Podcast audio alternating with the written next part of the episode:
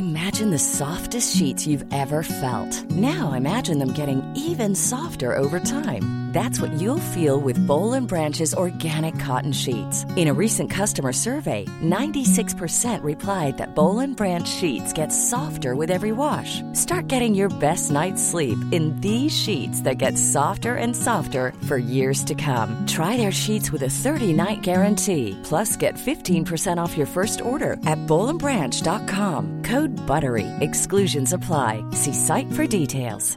Hey, it's Ryan Reynolds, and I'm here with Keith, co star of my upcoming film, If, only in theaters, May 17th. Do you want to tell people the big news? All right, I'll do it. Sign up now and you'll get unlimited for $15 a month in six months of Paramount Plus Essential Plan on us. Mintmobile.com slash switch. Upfront payment of $45 equivalent to $15 per month. Unlimited over 40 gigabytes per month. Face lower speeds. Videos at 480p. Active Mint customers by 531.24 get six months of Paramount Plus Essential Plan. Auto renews after six months. Offer ends May 31st, 2024. Separate Paramount Plus registration required. Terms and conditions apply if rated PG.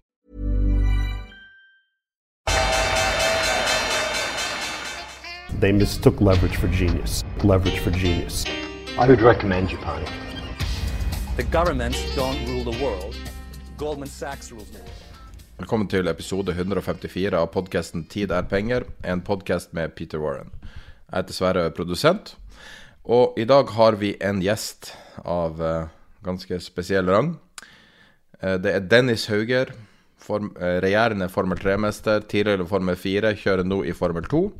Og mange tror han kan ende opp i Formel 1 så tidlig som om ett år? To år?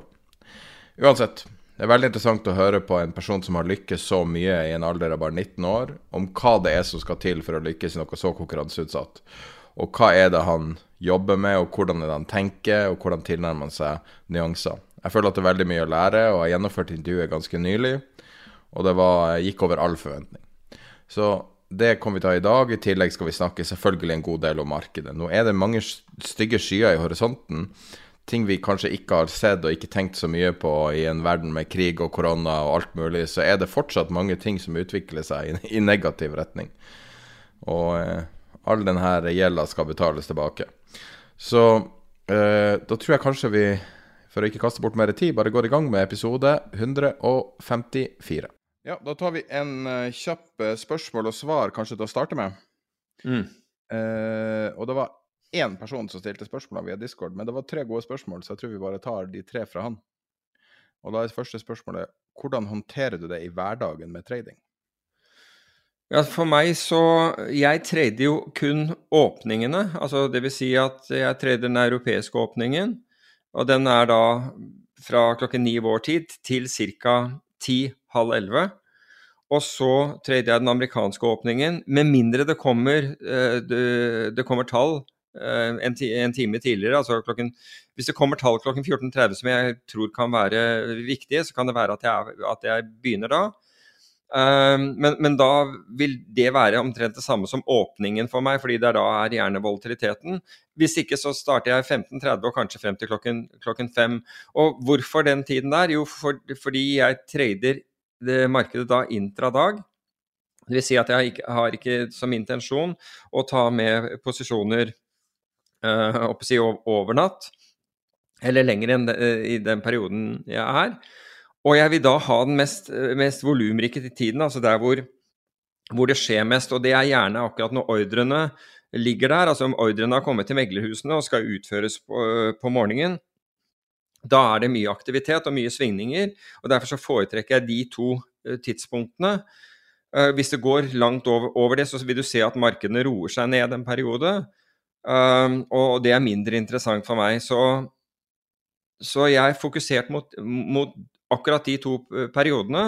Og hvis jeg skal ha lengre posisjoner på, så er det nesten alltid gjort gjennom opsjoner, og da tenker jeg ikke på de på, på noe daglig basis, med mindre Uh, at jeg er nødt til å manage risken i dem, altså at det går motsatt vei eller et eller annet sånt, noe som gjør at, at, det, at det krever oppfølging. Så lar jeg de stort sett være, men intradag-tradingen er akkurat der og da. Så, og det um, og så ser jeg hva, hva, som er spørsmål nummer to, for det leder nest, rett over til hvordan klarer du å koble, koble av fra tradingen generelt? Jo, jeg, jeg får jo mye si, hviletid fra den. Slik at når jeg er ferdig, la oss si at klokken er halv elleve eller et eller annet sånt, um, så vil jeg jo ta tankene fra det. Da sitter jeg ikke foran skjermen lenger, og da gjør jeg andre ting. Så det hjelper meg å koble av. Jeg har trent på morgenen før, uh, det, det, det, før det første øktet. Altså, jeg handler da futures, utelukkende future uh, på, på, på, på aksjeindekser.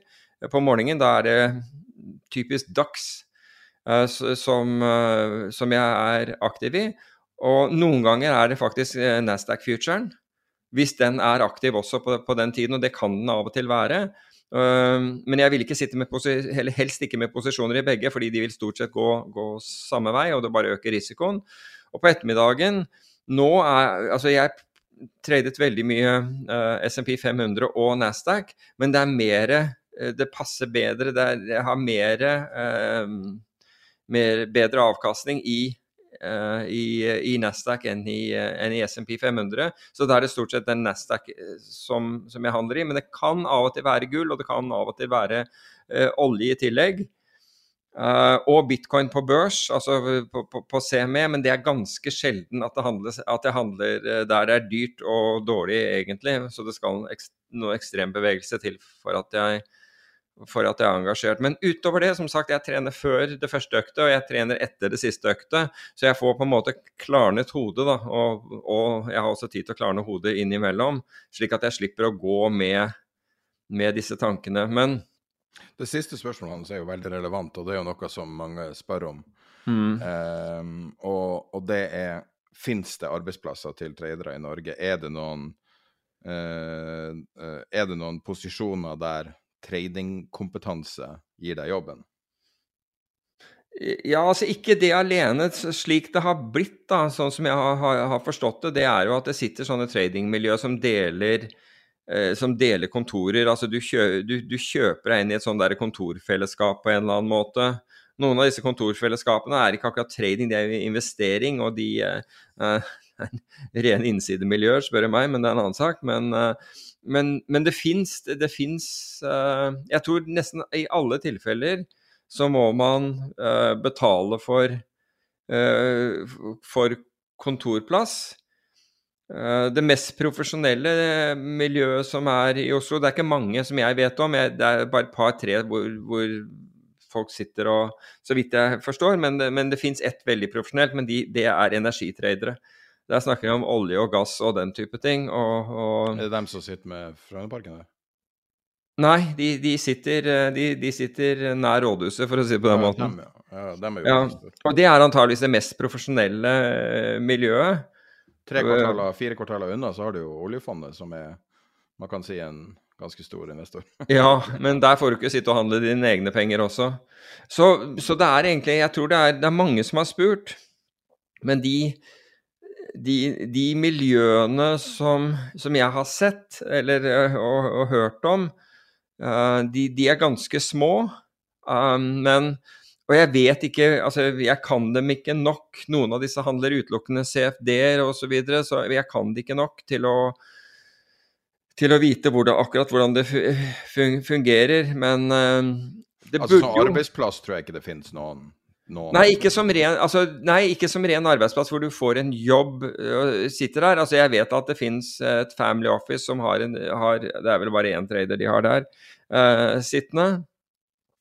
Men, uh, men, men altså Oslo er ikke som Stockholm og, og, London og New York altså, i det hele tatt når det gjelder de, disse tingene hvor det finnes store sånne miljøer. Ja, London er jo et er jo fullt av sånne prop shops. altså men det vanlige selv i London da, er jo og, og For det første må du kvalifisere ved at du har kunnskap osv., og, så videre, og så starter du da Hvis de mener at du har det og har noe for deg, så starter du da med, med, med, med begrenset kapital, men hvor du tar den første hiten. Altså slik at hvis du er Og det, den kan være at uh, de Altså du, du må ta den første hiten, f.eks. Du må ta Det kan være prosentvis eller det kan være tall, men hvis du taper 15% så, så tar du ti av dem. Det går, det, går din, det går, på dine penger. Og det er det en god del av i New York også. Og, og i de stedene så betaler man ikke for å, for å sitte. Der får, man, der får man, en plass og, og infrastrukturen er på plass osv. Uh, og, og det er måten man, man gjør det der på. Det mest realistiske miljøet å entre, skulle jeg tro, hvis du er norsk i dag, hvis du har lyst til å jobbe med det, må jo være noe à la WorldQuant eller uh, andre varianter. altså Quantopian er vel uh, offline etter den ble kjøpt opp, men uh, sånne type miljøer der du kan komme inn med kvantitative evner og modeller, ja, da kom, greien er at da kommer, da, der blir du ikke sittende, vet du, for du sitter ikke der. Altså, Nei, da sitter du jo hjemme og jobber. Ja, World, World Quant, så, helt riktig. altså Der lar du dem handle dine algoritmer. Men da må du ha laget en algoritme. Så spørsmålet som vi fikk fra, fra lytteren, tror jeg er en som sitter og handler, altså ikke algoritmisk. Det er ikke en algoritme som handler, men han sitter foran skjerm og, og, og, klikktrader, f.eks. Og, og det fins det arbeidsplasser for i London, det fins uh, i Stockholm, i hvert fall gjorde det. Um, det, det, er flere i London. Um, og det er gjerne meglerhus som eier, så de på en måte får kurtasje hver gang du handler, og du betaler liksom gjennom uh, kurtasjen. Og hvis du er bra, så, så, så, får du en slump penger, altså du får tildelt kapital. Men som sagt, du, du, har sånn typisk first loss er, er ditt, da. Og det, det, gjør de for at du, ha, at du, skal ha, kontroll på det du gjør, og at du ikke bare lar, eh, bare lar tapene eh, øke på. Og så har du selvfølgelig Millennium, ikke sant? Altså, men da snakker du om de store hedgefondene. Jeg husker ikke hvor mange hundre milliarder, eller er det, er 80 milliarder er det Millennium er? Dollar. Um, men, men altså Da skal du ha bra track record før du kommer inn. Men der, vil du, der får du jo lønn og hele pakka hos, hos Millennium når du begynner. Der, der, får man en lønn, og der Men der Hva var det for noe? Der er det Hvis du taper Skal vi se, hva er det for noe? Hvis du taper 4%, så halverer de allokeringen til deg.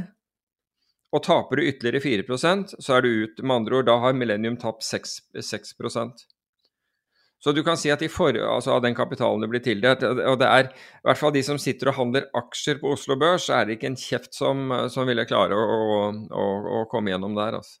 Det nåløyet. For der sitter man og rir tap, og, og, og, bare svingningene er store, og de diversifiserer ikke, og, de, og, og så videre. Ja, bare Fordelen med, med, Millennium det er at du kan, altså hvis du bygger opp profit, så gjelder det fra den allokeringen du fikk til å begynne med. Slik at hvis du Altså, du har mye mer Du kan ta mye mer risiko hvis du Hvis, du, hvis, øh, hvis gevinsten dine blir, blir, da lagt til, øh, til kapitalen din, som, som, tillater at du tar mye mer risiko. Um, fordi den stopplåsen, altså den der først på 4% og så, og så den halveringen, den gjelder av den opprinnelige allokerte kapitalen. Så etter et år så kan du velge å ta penger av bordet, ikke sant? fordi du vil ha, ha, ha, gevinsten din, ta den. Eller du kan begynne med den høyere allokeringen. Så, men det er, det er, mange som har gjort det fantastisk hos Millennium. Sorry, hva var det du, du skulle si? Å oh ja, nei, det var, det var bare et in, in, Jeg kjenner et miljø i London som helt nylig la om, som jeg syns er veldig indikativt over, der de har jobba med PropShop modellen i mange år og har eh, flere måte, tjenester knytta til det. Og de har så vidt jeg vet lagt ned prop-delen fordi at de tjener så mye penger på de andre tingene. For dem å selge, å selge uh, enten know-how eller connections eller Altså det er flere måte, ting de gjør, men de gjør alt annet enn å trade nå. For det er rett og slett mer lukrativt for dem. Ja. Og den der gamle prop-modellen var jo masse av i New York og London. Men jeg tror uh, det er veldig vanskelig å finne en person med en reell edge som sitter og skjermtrader nå. Nei, det, det fins jo noen, og det er det, man, det er det, man, må på en måte bevise at man har, da. Men, uh, men altså, er, man kunne lage virtuelle rom, og det er mange ting man kunne gjøre. Og, for jeg vet at det er en Altså, jeg vil helst ha fred og ro når jeg holder på. Noen er sånn at de at Altså, jeg har tradet i tradingrom hvor, det, hvor, hvor det er hauger av folk liksom, som, som, roper og skriker hele tiden. Og det fungerer også.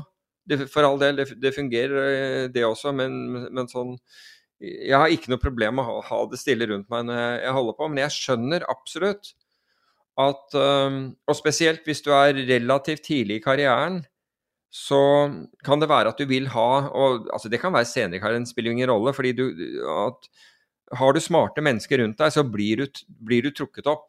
Altså du blir, du blir, det, det løfter nivået ditt òg, for du vil få andre synspunkter på ting, og du vil, du vil oppdage uh, strategier og teknikker som du aldri har tenkt på. Og det er jo selvfølgelig en fordel uh, sånn, og det er jo ingen av oss som ikke har noe å lære. Så, um, så jeg skjønner godt spørsmålet og, og, og det behovet, fordi det, blir en, det blir en stimulans. Det blir en intellektuell stimulans, og den er veldig viktig. Men da var vel spørsmålet besvart? Jeg håper det. Hvis det er tilleggsspørsmål, så skal jeg ta de også. Men da kan vi kanskje gå i gang og snakke litt om markedet. Og det er unektelig mange ubehagelige ting som ligger der og vaker nå eh, etter flere år med mange ubehagelige ting. Ja, øh, ja. ja. du lista opp mange, syns jeg. Ja, altså hvis jeg skal liste opp altså det, det som har nå skjedd i, i, den absolutt senere tiden, da, det er jo denne den østerrikske hundreåringen, husker du når den, den, ble lansert, så var jo den Jeg husker ikke hva den hadde som nominell rente.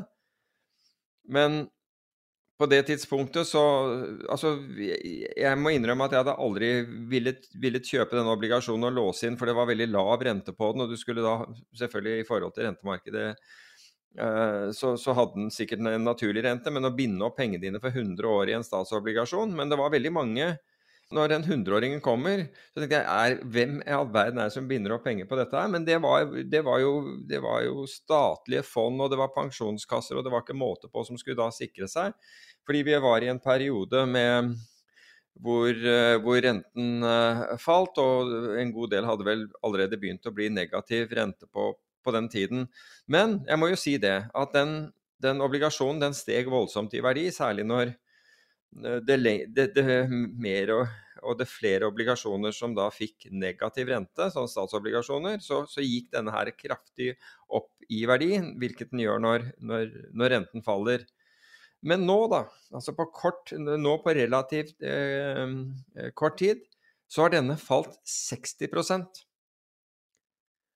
Og da tenker jeg, jeg tenker for det første her vet jeg at det er en rekke institusjonelle investorer som holder den, som definerer, omdefinerer de obligasjonene fra å gjøre mark to market til, til at de skal sitte med dem til ja, Nå blir vi sittende til forfall. Og det er veldig Og jeg, jeg så på det, jeg har faktisk ikke sett én en eneste norsk forvalter, men det kan hende at, jeg, at jeg tar feil, og veldig gjerne blir jeg rettet på her, som har som har på en måte, fordi man skryter ofte av porteføljene eh, sine, og, og som har nevnt at, uh, de hadde, at, de hadde, at de shortet eh, uh, obligasjoner med negativ, negativ, rente. Jeg har ikke sett noen nå, nå, er det jo nesten ingen obligasjoner i verden i, så, som, er, som, har negativ rente lenger. Og det, og, og, og det betyr jo og, og, som vi har skrevet på, på vårt dag, det er, det er det kraftigste obligasjons, altså fallet i obligasjonskurser som man har sett på 25 år. Det har foregått nå i løpet av noen måneder. Eh, det er flere, det er flere tranches av den obligasjonen. Akkurat. Sånn at du hadde en til staten som hadde som, som gilda 0,88, og så har du var det ikke én i 2017 og én i 2020 også? Var det, var det, allerede i 17 år? Jeg husker ikke, det kan godt hende. Men, men, i hvert fall eh, Men poenget mitt er at du kunne Altså hvis du gikk short, hvis du var obligasjonsforvalter og gikk short disse obligasjonene Altså du kjøpte da andre obligasjoner som hadde positiv, eh, positiv rente, amerikanske f.eks., norske hvis du, hvis du ønsket det, så så fikk du betalt for å sitte short disse obligasjonene. Fordi når de har negativ rente, så er det, da er det innlåneren eh, Unnskyld, da, hva blir det? Jo, det er, det er, den som låner penger, som får, som får betalt. Du, du, blir betalt for å låne penger. Så ved å gå short disse obligasjonene, så er det det samme som å låne penger og bli betalt for det. Og jeg nevnte denne trade, den traden som var i, i, i tyske Bundt i fjor på, hvor du ble betalt 0,4% i året for å sitte short. Um, og Jeg syns den var god, men det var masse annet å gjøre det, i hvert fall for de som er, som er aktive i obligasjonsmarkedet. Men det til tross, så har jeg ikke hørt, jeg har ikke hørt noen uh, si at de har en voldsom avkastning på obligasjonsporteføljen sin, nettopp fordi de passet på å shorte sånne, uh, sånne så, eh, den type lån. Det er, det er rart, fordi du kan jo spørre deg hvorfor, hvorfor det ikke er det også. Altså, er det det at man er det mange, er, er, er liksom frykt for midlertidig at liksom det skulle gå mot deg, men det er jo grenser for hvor mye negativ rente det kan bli. Er det mangel på kunnskap, eller er det mangel på insentiver som gjør at du ikke, at du ikke griper, sånne, griper, sånne, muligheter? Men, men, det men, det er, en annen diskusjon. Men, men, hvis vi nå ser til amerikanske boliglånsobligasjoner, så er, har de nå falt til det laveste nivået siden rett etter finanskrisen. Det er sånne der ting som får meg til å sette meg opp i stolen. Det er viktig at du presiserer at det er prisen som har falt, renta stiger. Det er prisen som har falt, helt riktig. Og renten på den amerikanske tiåringen er femdoblet. Fra veldig lavt nivå, men den er femdoblet på, på, på, på kort tid. Vet du hva amerikanerne betaler for boliglån akkurat nå? Er det ikke bortimot 4 4,72 for 30-åringen. Oi. Ja, for 30-åringer, akkurat. 30-årig fiks, det er jo den som de fleste, ja, de fleste inngår. Så det er det de sitter. Så 4,72. Altså, eh, når vi gikk inn Altså, på julaften, da, var det 3,05. Ja. På julaften i fjor. Eh, på sommeren i fjor, 5. august, var det 2,77.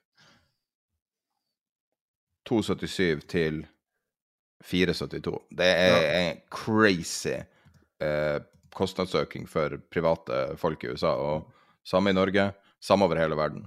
Vet du for øvrig at kvadratmeterprisen for bolig i Oslo, i hvert fall på Frogner-området, er den samme som i Miami? Hva er kvadratprisen? Ja, altså på, I, i Frogner-området så ser jeg at det betales opp i 120 000 per kvadratmeter. Men det er jo det er noe vi diskuterte. Nå er jeg på tidlig påskeferie. Jeg diskuterte med familien, og, og um, angivelig da så har Borten Moe trukket fram at byggekosten på nye bygg er på 100 000 kvadrat, per kvadrat. På nye offentlige bygg. På nye offentlige? Ok. Ja. Men likevel, altså.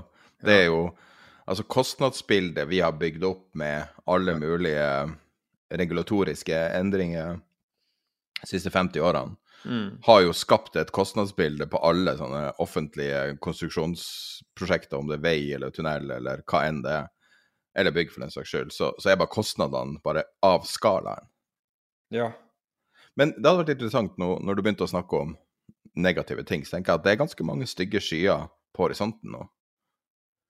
Og det er jo to måter å se på det. At du begynner å si 100-åringer fra Østerrike, eh, og så har vi jo lista opp mange ting her med eh, dårligste bondmarked på 25 år, og um, renta på den amerikanske tiåringen til himmels, og du ser eh, på den oversikten vi har over de forskjellige børsnoterte tingene, så er det meste er ned, og noe er veldig mye ned. Det verste, det verste på lista var disse ark, som er ned 35% ja.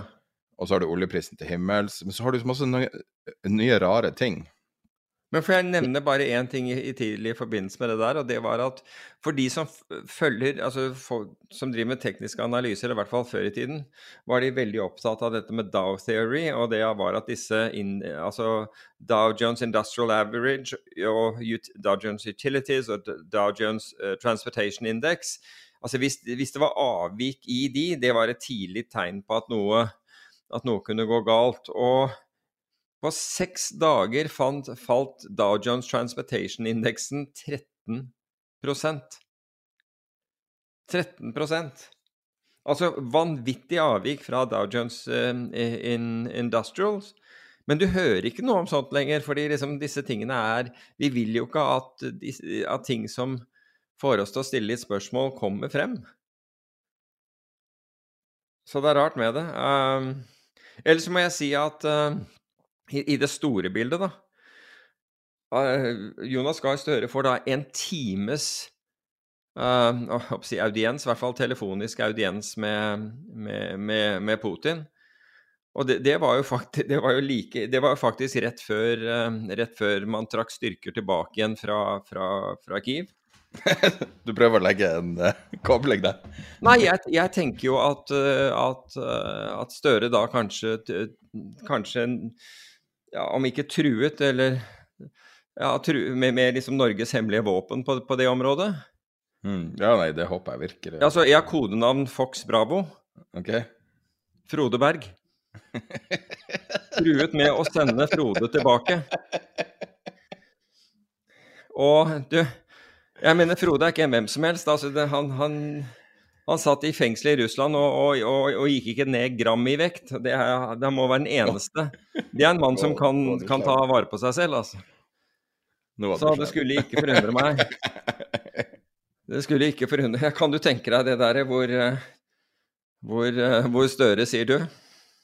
Enten blir det ordning her, eller så, så sender vi Frode tilbake.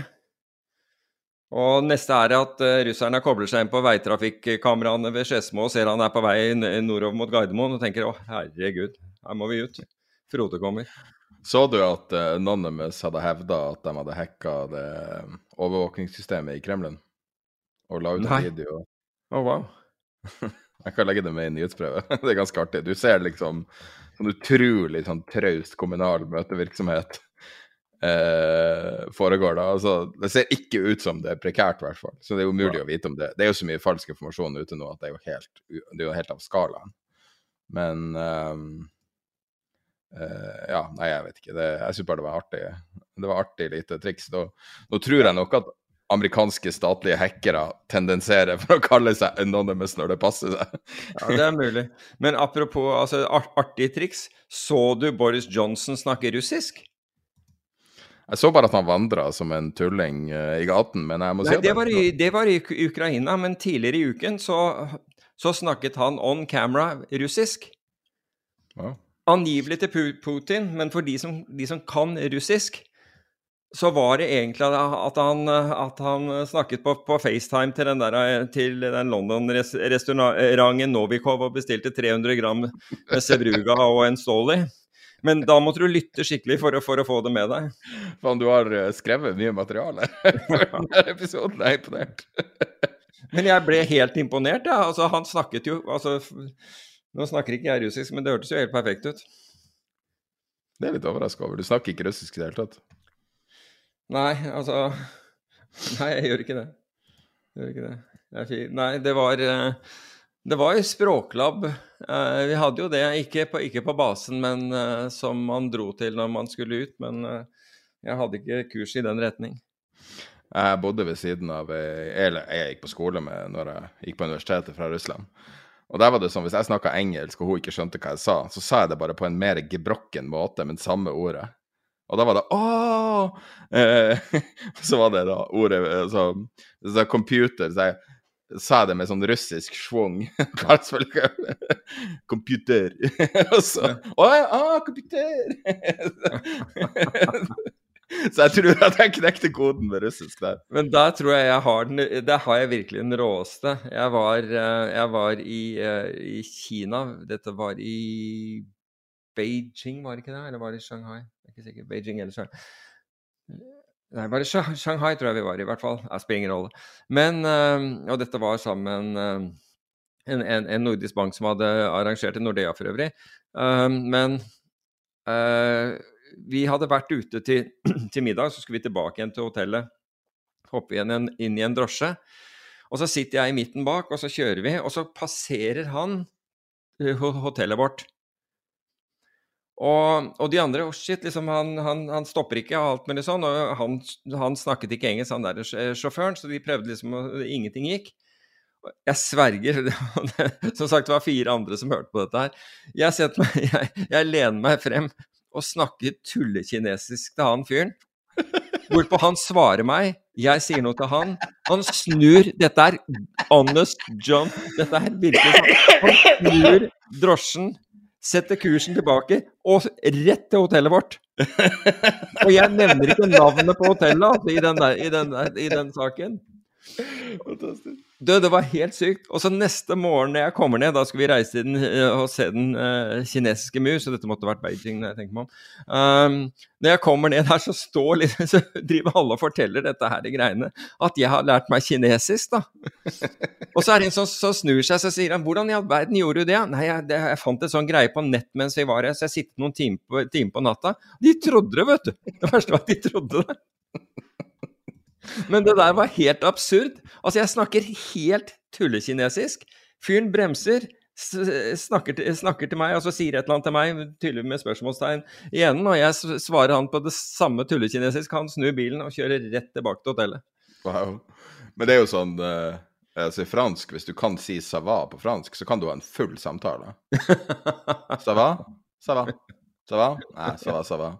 Mm, 'Ça va'. Så, du kan bokstavelig talt ha kanskje 20 interaksjoner fram og tilbake, og du, begge to sier bare 'ça va'. Men jeg, jeg gikk på skole med en kar, og vi var på skitur i Italia, når du sier det. og han insisterte på å snakke norsk overalt. så da han sto i baren og sånn, så snakka han bare norsk. Og, og, alle skjønte alt han sa. Det var liksom bare Kanskje han var fra Østfold, så jeg vet ikke om det var Det forklarer jo alt. Det forklarer jo alt. Nei. Men tilbake til elendigheta i verden. Ja. Eh, bare sånn en brå overgang. Jeg tenkte på, Det er så mange ting som har poppa opp, som er sånne rare elementer. Eh, som får meg til å instinktivt reagere uten at jeg vet akkurat hva som er utfallet blir. Så du har f.eks. det at verden er i ferd med å gå tom for kobber, som er mildt sagt litt skremmende. Mm. Eh, så det var en analyse som eh, eh kom ut i forrige uke, eh, som legger opp det, altså fra Goldman Sachs, som legger opp da det de, det de sier at kobber er i ferd med å snike seg til en stockout, altså at tomme hyller, at det ikke er mer igjen. Og hvis du forestiller deg alle de knock-on-effektene å å gå tom for kobber kan ha. Mm. Det er jo i alt. Og det er jo knytta til alle, alle elektriske anlegg og alt mulig. Vi er i ferd med å gå tom for strøm i Europa. altså Hvis man uh, neste, eller denne uka faktisk gjør det ulovlig å importere fra Russland, så vil vi ikke ha nok strøm i Europa. I denne uken? Virkelig? Ok, wow. Men det kan jo være at de prøver å pushe det ei uke fram, sånn at det er varmere. Ja, for altså, da kan du jo skru av strømmen. Tyskland, Tyskland har, jo for, har, jo fortsatt gass, gassreserver, for eksempel, da. Ja, er det mye? Ikke... Ja, ja, altså de er, de er, lavere enn det de pleier å være. Men de har For det var snakk om at nå skulle de være tom? Nei, de er ikke det. Eller i hvert fall ikke det, det, det, siste jeg har sett. Ikke i det hele tatt. Altså, de skal ha gass nok til, til neste, frem til neste vinter. Alt annet like. Men vi får nå vi får nå se. altså Jeg så at Trafigura flyttet Sink nå fra LME i Asia til Europa. Jeg vet ikke om det er misnøye med LME, for det er det mange som er om dagen pga. det som skjedde i nikkelmarkedet. Om det er en protest der, men det er nok også det at det er, eh, at det er eh, et behov i Europa. Det, det, det blir sikkert. Men eh, jeg tror det er mange som har lyst til å stikke til LME, og som mener at LME ikke er en, er en børs man skal være på. Så... Nei, det er, men råvarer generelt er jo et problem. Ja. Se på det der eh, problemet som er rundt flybensin nå, som er helt ignorert. Jeg har ikke lest det i noen, i hvert fall ikke norske aviser. Um, så du har fly, altså, um, flybensinprisene er altså i, i, i midt, altså la oss si sommeren 2020, når korona hadde trukket seg litt tilbake, så kosta ett fat jetfuel 20 dollar. Nå var jo det i en, en veldig lav periode for olje også, men likevel, mm. det var 20 dollar. Og, og inngangen i 2021 var det 60 dollar, så det var fortsatt mye lavere enn det nå. Og nå det, har det toucha 160 dollar. Så det er åttedobla fra bunnen. Og tenk deg hva det, kombinert med at, at Shanghai har stengt i hvert fall halve Shanghai, og det ligger 300 skip med kai der og venter, som er 200 mer enn det som er vanlig. Og alle de her tingene her, så du får sånn knock-on-effekter. Så jeg tenkte tilbake. men jeg hadde ment å spørre deg om dette, fordi du var den første jeg kjenner som oppfattet uh, effekten av covid på Kina, og, og, formidlet de definitivt til meg. Um, hvor er du nå på dette? Nei, men jeg har oppriktig ingen unik innsikt annet enn totale Nei, men, men, du var den første som, som, som, connected the dots, da. Det var du, i hvert fall. Og for meg så var du helt klart den. Og du var helt tydelig på det.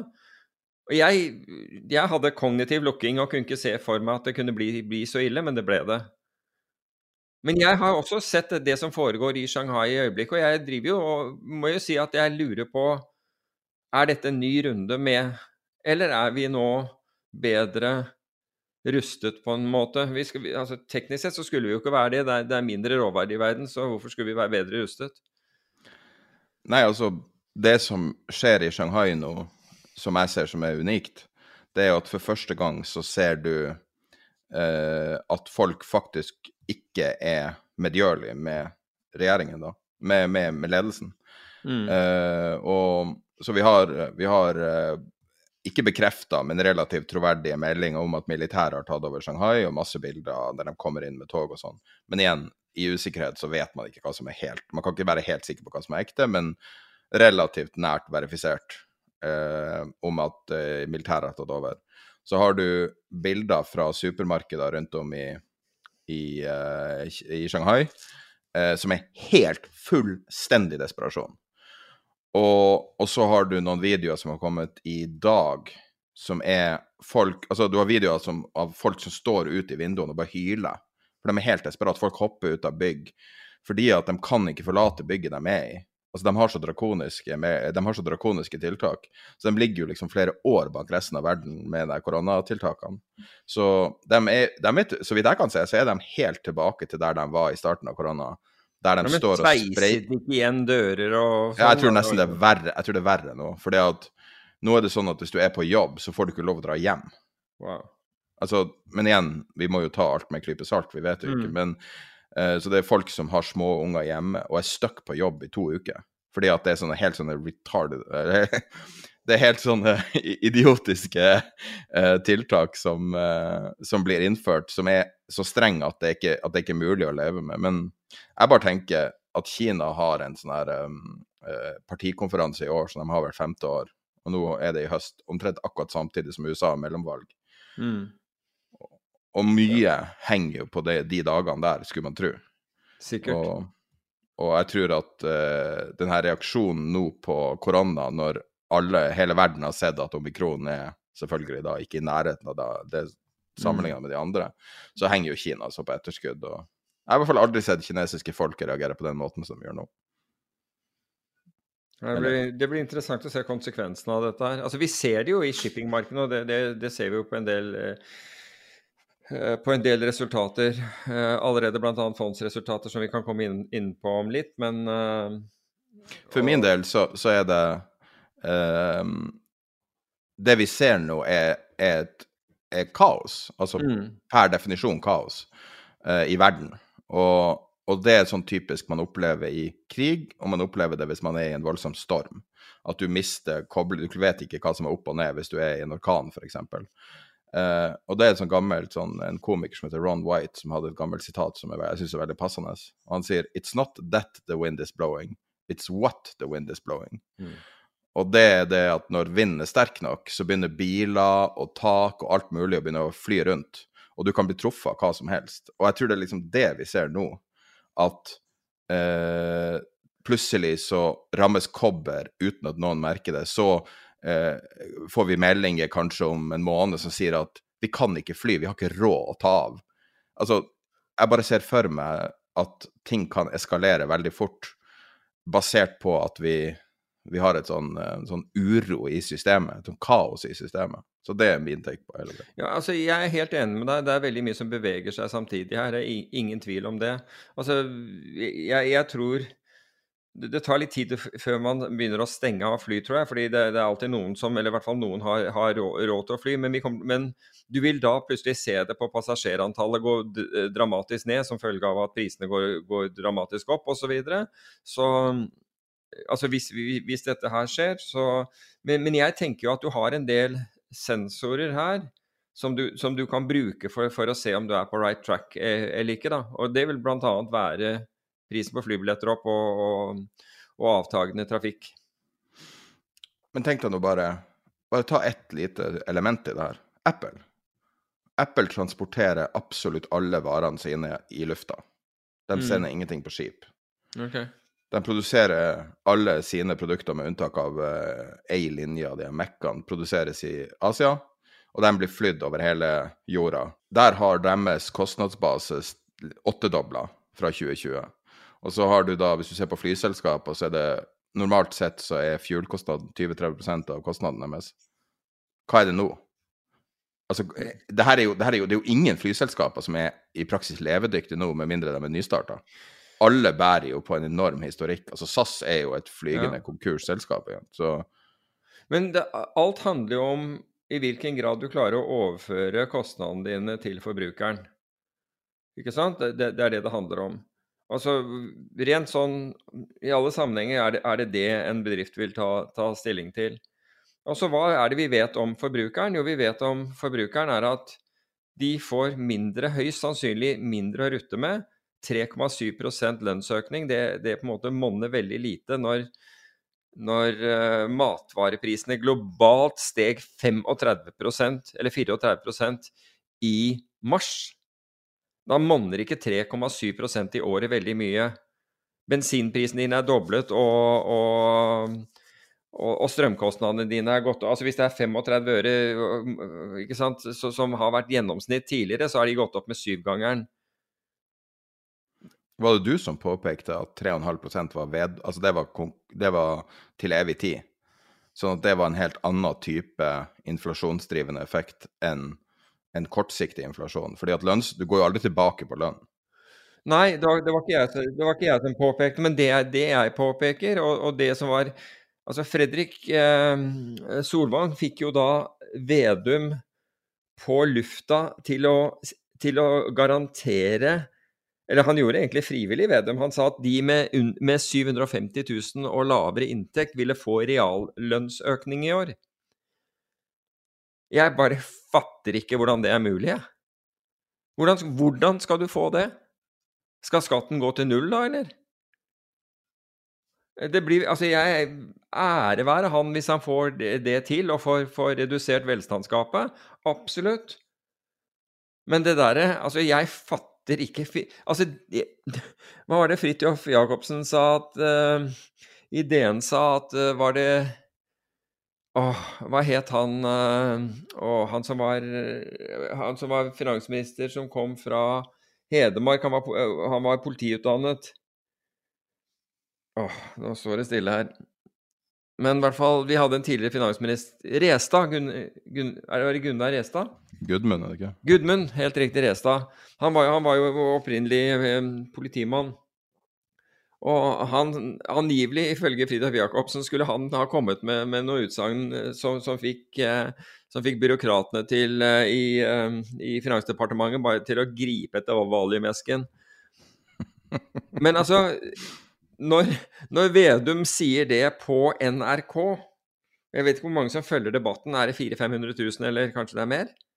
Har ikke peiling. Men, men i hvert fall Og uttrykker det da tenker jeg Da, da, da, da, rev du av hele lokket altså, på den der og bare tømte den inn, den, den valiumesken.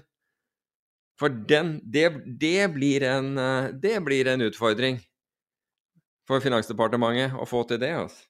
Det er helt klart. Jeg tror den der, den der steinbunkeren i Akersgaten fikk nok å gjøre den dagen der. Eller påfølgende dag. Steinbunkers, ja. Er det Stortinget du snakker om? Nei, nå snakket jeg om, eh, nå snakket jeg om Finansdepartementet. Mellom 300 og 600 000 ser på debatten du spurte. Å ja, akkurat. Jo, men altså, ålreit, da. Si at 450 000 nordmenn men, eh, så på den og, og La oss si at ja, jeg vet ikke om flertallet eller halvparten av det, eller hva, spiller ingen rolle, som, eh, som da tjener 750 000 eller, eller mindre, ser den. Reallønnsvekst. Ja, ja, men, men det er jo pga. at KPI er en ødelagt eh, metric. Altså, den, den beregner jo ikke reell inflasjon. Enig i det, men reallønnsvekst er reallønnsvekst. Han, eh, han, eh, han sa ikke noe annet. Ja, men hva er KPI-en på nå? Den er jo ikke så veldig høy. Ja, Nei da, altså foreløpig. Foreløpig. Så, Så det er jo et løfte han kan Altså, den, den er 3,7. Ja, nettopp. Det var det jeg sa. Så Da, da er det jo riktig det han sier. Ja, men Altså, det er jo ikke riktig. Det er jo ikke riktig, altså fordi det, det er KPI-en for, for, for, to måneder siden. For, ikke sant? Da hadde ikke Siste bensinprisen doblet seg. Eh, Altså, det er februar til februar. Så, så um, Men du kan gjøre sånn Elon Musk-triks og bare gjøre justert. Kan ikke du gjøre justert copy, Bare sånn at det skal være positivt. Jo, men, men vet du hva, jeg skjønner ikke at en politiker drar ut av seg sånn som Altså som ikke har håp i helvete for, på å bli, bli riktig. Altså, Det, jeg fatter ikke, jeg, liksom, men, men det er mange Har du andre sett, ting. egentlig. eh, har du sett den TV-serien Borgen? Ja, det har jeg. Det føler jeg gir en litt mer innsikt i hvordan politikere tenker. Ja. Jeg At det tror jeg er ganske realistisk laga. Det føles Ja. som fordi at det er sånne små nyanser de legger mye fokus på, byråkratiet og sånn. Og da må Ja, og så er det alt, alt er forhandlinger. Du kaster bort det der i forhold til det, og det er liksom Det blir aldri, aldri helt bra. Det vil være så uegnet til å være politiker, er jeg redd. Mm. Nettopp ja. av de der kompromissene som du må hele tiden gjøre. På ting som du syns selv er viktig. Men sånn er det. Jeg har ikke blitt spurt heller. Nei. Jeg tror ikke du blir spurt, jeg tror det er noe du søker. Akkurat. Også en annen sky på horisonten er jo konkursene i Silicon Valley. Og det begynner Ja. jo nå å tikke. Og det er jo ikke så veldig lenge siden at eh, finansieringsvinduet ble lukka. Mm. Zero Grocery, et selskap som selvfølgelig ingen har hørt om, um, hadde en siderunde for én måned siden på 12 millioner dollar, og konka i dag. Eller la ned i dag, men altså Oh, wow. Én måned etter siderunde. Så de bare Og, og alt uh, oppstartsselskapene nå snakker om, er jo runway. Ja. Hvor mye runway har du? ja, ja, klart det. Hvor lenge klarer du å holde deg i live? Og så finner Ja. folk på andre ord, ord å si det, men altså, hvor lenge eh, får du cashen til å leve? Så man hører mye snakk om oppsigelser, mye snakk om kostnadskutt. At nå er det snakk om å bare få alt til å, til å bare leve litt til. Men var det ikke fantastisk hvor lenge det gikk å, å, å forskuttere inntekter som da altså skulle komme 10-15 år frem i tid, og folk ga hva som helst for det? Det er jo helt, det er helt utrolig. Det er Ja, helt er det utrolig over. å, å se på. Nå er det ferdig. Og Ja. det kan være en stund til neste gang at, at vi får en sånn runde. Forrige gang eh, vinduet ble helt lukka, så tok det vel Realistisk sett så måtte vi nesten over finanskrisa for å få lignende WC-miljø. Men det tok Mm. noen fem-seks år i hvert fall før det var mulig å finansiere noe igjen. Ja. Men jeg, altså, jeg, jeg tror at de altså, bedrifter som har livets rett, får altså, kom, det, altså, det blir mindre konkurranse uh, for dem om kapitalen. Altså, det blir ikke så mye støy der ute, ikke sant? Det blir ikke så mye tull og, og fremskrevne eh, inntekter som, som, hvor, hvor kapitalen ender. Fordi de, du bare kommer opp med du bare kommer opp med, med, med noen, eh, noen tall som er høye nok til at, at du, du satser på at investorer blir så sultne av å høre de tallene, blir så risikovillige av å høre de tallene, at, eh, at, at, de, hiver, de velger deg isteden. Har du sett de her analysene som Det har kommet analyser både i Norge og i USA som sier en variant av det samme. Mm. Eh, Eller USA, er det fra Frankrike teknisk sett, da. Men uh, Societe General, hadde en uh, kvantanalyse ute nå uh, Det var nå i slutten av mars. Og da indikerer de at uh, amerikansk økonomi tåler ca. 1 prosentpoeng renteøkning, og så vil du begynne å se alvorlige problemer, og at sentralbanken blir på en måte tvunget til å stoppe. Det er deres spådom, da. Ja. Og nå kom noen med en lignende spådom for Norge også, så jeg i går eller forrige års. Mm. Det tror jeg ikke er et valg de kan ta. Ja, altså jeg tror også det. Jeg er enig, i det euro-dollar-kurven begynner å, å, å, å fortelle det samme. Altså rentekurven, og, og det er jo at uh, at, det, at, uh, man, at utviklingen i økonomien kommer til å kommer til å være så alvorlig at sentralbankene blir tvunget til å bremse. Og det, det tror jeg Altså, det er for mye som skjer på en gang. Men se nå på kineserne, ikke sant. Nå ser du kineserne som ikke har mat, og så har vi europeerne som ikke har energi. Folk Mm. gjør desperate ting når du går tom for mat og tom for energi. Ja. Kanskje de ikke har et valg. Altså, jeg så, så det et lite portrettintervju med og, vår nye sentralbanksjef, og, og, ehm, og du ser jo at hun, for det første, så er det veldig deilig å høre at hun snakker ikke noe om noen styreleder i oljefondet, hun snakker om arbeidsoppgaven, hun skal ha det faktiske jobben. ja, så bra. Og, veldig, til, det veldig tillitsvekkende å høre på at, det er, at hun hadde fullt fokus på pengepolitikken. Mm. Og um, det er ikke sikkert at hun får den muligheten til å bremse av med rentehevinger. Fordi at uh, trykket vil være så ekstremt. Altså, vi må jo bare to år tilbake før krona var i full kollaps. Ja, absolutt. Men, men du kan si at altså, norsk økonomi går, altså norsk økonomi, som, som, i landets økonomi, går jo så det spruter. Og det er jo en av de tingene som sentralbanken ser på. Og det er jo selvfølgelig pga. høye ø, olje-, gass- og kraft, kraftinntekter. Men så lenge ikke det ø, finner veien til, ø, til, til befolkningen, og det er en veldig liten del som foreløpig er gjort. Tvert imot. ikke sant? Det er voldsomt hva, det, er, gjort det motsatte, fordi kost, kostnadene har økt dramatisk. Så blir det en enorm forskjell liksom, mellom, landets, altså, mellom inntektene som landet får fra, gjennom faktisk skatt, på disse, på, på disse nevnte uh, disse, disse nevnte innsatsfaktorene, altså kraft, eh, gass og, og, og, bensin. Olje, om du vil. Så det blir en, det blir en voldsom mismatch der. Og, men ja, altså, nå blir det politisk hvis jeg skal dundre videre, fordi eh, ja, jo, men jeg, den tregheten som, som, er i dette systemet nå, den mangelen på tilsynelatende mangel på vilje til å gripe fatt i noe som er prekært, men, men, du kan si at jeg syns Støre gjør, bare så det er gjør en god jobb når det gjelder Ukraina og tankene rundt det og, og, og, engasjementet. Men noen må ta tak i det som skjer i Norge også. Og av en eller annen grunn, når de gjør Andøya om til at det for, skal fortsette å være militær flyplass, så er, så er det Vedum, finansministeren, som, eh, som, kommer inn i bildet. Men det, det, tatt i betraktning hendelsene i denne helgen, så kan det ha, ha noe med det å gjøre. Jeg vet ikke. Det var før helgen for øvrig. Men skal vi gå på noe som er litt positivt, og det er, det er en del av hedgefondresultatene for første kvartal?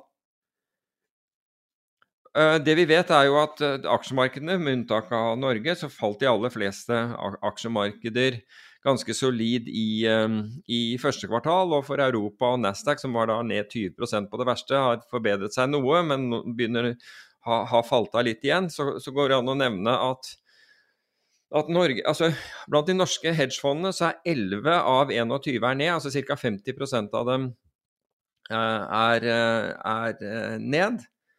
Men du har noen ordentlige du, du har noen, ordentlige gladsaker der. Du har, du har, noe som heter Nord Global Macro, som jeg kjenner veldig lite til.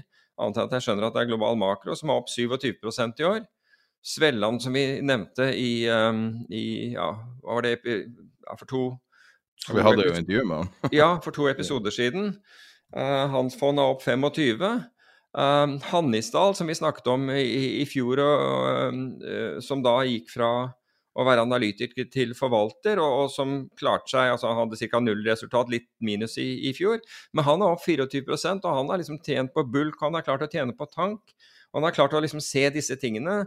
Poenget mitt er at de oppfører seg som hedgefond, disse de er ikke, det er ikke aksjemarkedets uh, bevegelser som, uh, som er hoved, uh, hoveddrivkraften. For, for Svellands del altså, som må forrige måned altså, ha vært ekstremt krevende, og i hvert fall den siste uken av forrige måned, for da var det noe så voldsomme svingninger i, i, olje, i, oljeprisen. Det er sikkert krevende for, for Klivs òg, men altså Hannisdal, men det har i hvert fall klart seg veldig bra. Eh, på toppen av liksom, den internasjonale listen er Anduran, som har over 100% avkastning. Og Pierre Anduran er en veldig kjent oljetrader. Han, øh, han, er også kjent for å ta betydelig risiko, men han er også klar på dette med at oljeprisen øh, har mer å gjøre på, på oppsiden. At det, er, at det, er, rett og slett for lite olje i verden. Og så på den, den HSBC-listen så er det Odi Chris Spinodi som leder med, med en oppgang på, på 53% Men Chris Spinodi, altså apropos å være volatil som forvalter altså I fjor så var Han hadde jo et resultat en periode i fjor som var han opp Jeg husker ikke hvor mye, men måneden etter var det resultatet halvert.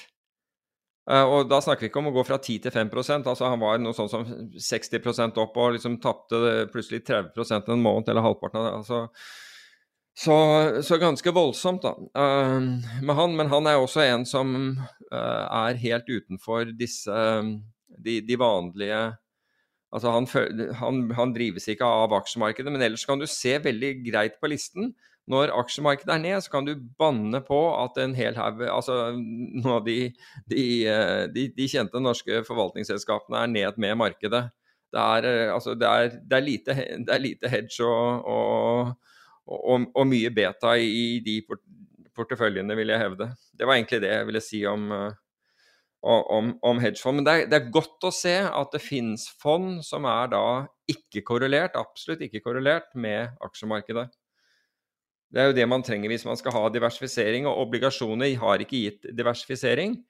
Er, obligasjoner er, er ned da eh, Amerikanske obligasjoner er ned 12-15% i år. ikke sant? Det er voldsomt hva, hva obligasjoner har, eh, har, falt i verdi. Bortsett fra det er, det er, en type obligasjoner vi har snakket om uh, tidligere, altså ILS-obligasjoner. Altså Insurance Linked securities, altså de er lenket mot, uh, mot forsikring i en eller annen, det kan være livsforsikring, det kan være andre ting de er lenket mot, de er opp. Men det, er, det tror jeg ikke det fins altså, Vi har jo snakket om det flere ganger, men det er ikke noe norsk meglerhus som, som, uh, som har funnet det interessant å legge ut disse, og dermed så anbefales jo selvfølgelig ikke disse for norske forvaltere. Jeg tror ikke det er en norsk forvalter som har ILS-obligasjoner i porteføljen sin, men jeg I'm, I'm, more than pleased to be proven wrong. Uh, hvis det skulle være noen, så vil vi veldig gjerne høre, høre om det. Men uh, i hvert fall de har gitt positiv avkastning i år. De er opp sånn mellom 2,5 og 3% Og det må man si, si er, er, brukbart. Og det vil i tilfelle også være ikke bare, ikke bare diversifisere en obligasjonsportefølje, men det vil diversifisere en, også en aksjeportefølje. Yes, det var det jeg hadde egentlig om, eh, om, om den biten. Eh, så du Thomas Nilsen på YouTube? Ja, det gjorde jeg. Um, jeg Altså, han har jo Det må jeg si om Thomas Nilsen. Det er han som eh, forvalter dette First Veritas. Og han var på YouTube i forbindelse med eh, tapene fondet hans hatt i Fjordkraft, og at han har nå solgt seg ut Slik jeg forsto det, så har han solgt helt ut av, av Fjordkraft. Jeg må jo si at han har veldig mye integritet eh, og ærlighet i å fortelle investorene akkurat hva det er, og rett og slett be om unnskyldning. Han synes at han altså Der mener han selv at han har gjort en, en dårlig jobb. Han forklarer hvorfor han var i i, uh, i aksjen og, um, og, og, grunngir det, så det er, det er, ikke, noe galt i det. Jeg må jo si at det er en Jeg er litt, jeg er litt sånn tvilende. Er det, er det, bra for er det bra for ham å gjøre Altså, Jeg tror det er veldig bra å gjøre det overfor hans egne investorer, men når han går ut sånn generelt Altså, jeg, jeg hyller det han, det, han, det han, gjør der. Jeg syns han viser veldig integritet med, Eh, med å gjøre det. Men jeg, at the end of the day så vet jeg ikke om det er, om det er lønnsomt for han, fordi alle, alle som har tap, de snakker enten ikke om det i det hele tatt, altså bare overser det fullstendig, eller forklarer det i en fotnote til en, eh, til en eh, månedsrapport. Han får mye oppmerksomhet på denne måten, men, men jeg håper jo at han får At man velger også å rette oppmerksomheten mot hans integritet, da. Ved at han gjør det. Du har sett den, du også? Ja, vi har jo snakka utallige om eh, folk som legger ned fond, starter opp fond igjen for å skjule historikk og alt mulig. Mm. En, en, stygg og vanlig strategi i norsk finans. Mm. Og vi har snakka mye om eh, meglerhus som eh, tidvis har en prioritert corporate-strategi som man kanskje er litt uenig med. Og, og vi har snakka mange om sånne ting. Og altså Thomas Nielsen, du kjenner litt personlig også, men uh, Jeg kjenner han ikke. Du, du kjenner han? Litt, bitte, bitte Ja, OK. Ja, greit. Jeg trodde du mente at jeg kjente han. Nei, og, og, men jeg kan si at han er en person som, uh, som uh, At han som person virker å ha mer integritet enn de aller fleste. Og at han liker ikke bullshit, han går aldri til lettbeinte ting og alt sånt. Men jeg er enig med deg at det kanskje ikke er så veldig taktisk i en verden der alle andre på en måte prøver å, å skjule tapene eller skjule når du feiler, og være så åpen. Men det, jeg må si at på lang sikt så håper jeg at denne strategien funker. Og han har jo en, han har en portefølje som er godt egnet for det markedet vi går inn i nå. Men jeg regnet faktisk jeg regnet litt på, på, resultatene hans, fordi det var en som kom til altså Måten jeg så det på, var at jeg ble gjort oppmerksom på dette her av en lytter. Uh, og lytteren oppfattet det egentlig negativt, det at, at han gikk ut. Jeg var, var uenig i det, men, men for ordens skyld så, så, regnet jeg på resultatene og så det i forhold til både uh, Oslo Børs fondsindeks og Oslo Børsindeks. Jeg så det mot, mot noen parametere. Og det er klart at han har mer risiko uh, enn en, en Oslo Børs. Altså hvis du, hvis du definerer risiko som, som, uh, som, høyere grad av svingninger, altså volatilitet. Men hvis du, volatiliteten tatt i betraktning, altså hvis du justerte for det, så hadde han fremdeles gitt en meravkastning. Altså fra han startet av fondet, så var det fremdeles meravkastning i forhold til, til, til Oslo Børs. Ja, nei, det, det, virker som en relativt, i mangel på et bedre ord, defensiv portefølje. Veldig mye blue chips. Så, så det er naturlig at han skulle ha Fjordkraft. Nå kunne han jo som forvalter egentlig Han kunne ha solgt tidligere, men han kunne jo ikke ha forutsett at et, en merkevare som folk ikke har tenkt på noensinne, plutselig blir hatobjekt nummer én. altså, det er jo blitt sånn at Fjordkraft har tatt mye av støyten, også fordi de er eh, så sjelden som børsnotert og en strømprodusent. Ja. Men, eh, men de har jo tatt en voldsom del av støyten, eh, både på børs, men også som merkevare, pga. de høye strømprisene og deres metoder med stort salgsfokus og kanskje ikke så, stort produktfokus som, som, de andre. Nei, altså jeg, jeg, jeg, forsøkte ikke å gå i noe sånn mikro på, på, hvorfor det ene eller det andre Altså, jeg oppfatter han som en, en, Det jeg har hørt om han, så oppfatter jeg han som en en tenkende analytiker eh, som gjør, gjør, sine egne valg. altså er, Han er aktiv uh, forvalter, og han, han, er ikke sånn, han forsøker ikke å være indeksnær. Og det, og det betyr jo at du er, at du er ordentlig aktiv. Så, men i, i, hvert fall tallenes tale da, fra, fra, det fondet startet, var jo at den hadde gitt den til tross for høyere svingninger enn Oslo Børs, så hadde han levert, he, altså hadde han levert merverdi hvis du tar he, hele historikken. Det, det er mitt poeng. Uh, legg ut den videoen i nyhetsbrevet okay. i tillegg. Uh, vår venn uh, Kjetil Haltebrekke dukka opp i det i helga. Ja, og der Det var jo et stort intervju med ham, vel fortjent også, men Og jeg, jeg, kjenner jo veldig mye av, av, av det som står der. Og, men det, det, det, det er et par ting som jeg reagerer på. Og det er egentlig denne biten hvor, man snakker om forskere og være med på, på, prosjekter og få transplantert lever og alt mulig sånn. Og, og Kjetil Hatlebrekke, det er ikke det at han forsøker å hoppe, i, hoppe foran i køen eller noe sånt, fordi det, det, var noe sånt der de virket så utrolig hellige på at det var det ingen som gjorde, og det, var, dette, det, det kunne man ikke gjøre. Um, og selvfølgelig skal man ikke gjøre det, men men, men tenk deg den pro problemstillingen, den etiske problemstillingen her. Kjetil Hattebrekke har gjennom, gjennom sitt eh, virke, altså sitt arbeid, reddet liv. Ok, og det er greit, det vet, vi, det vet, vi, han har gjort. Og så sier man at det spiller ingen rolle. Men la oss si at Kjetil Hatlebrekke var en, en kirurg som reddet liv, altså som du, som du, vet ville redde liv. Var en veldig flink kirurg, en som, som kom til å redde liv. Hadde betraktningen vært det samme hvis du skulle redde liv, som at du har reddet liv? Det er en litt sånn der etisk vanskelig sak. Fordi det at han har gjort det, det, det, betyr ingenting. Jeg sier ikke at det skal bety noe, bare så det er sagt. Altså, det, ikke, det, er bare en, en, form for dilemma. Men hvis vi vet at denne personen som vi nå kan da tildele en, en lever, han kommer til å redde liv. Da, er det da etisk at det, går den personen foran?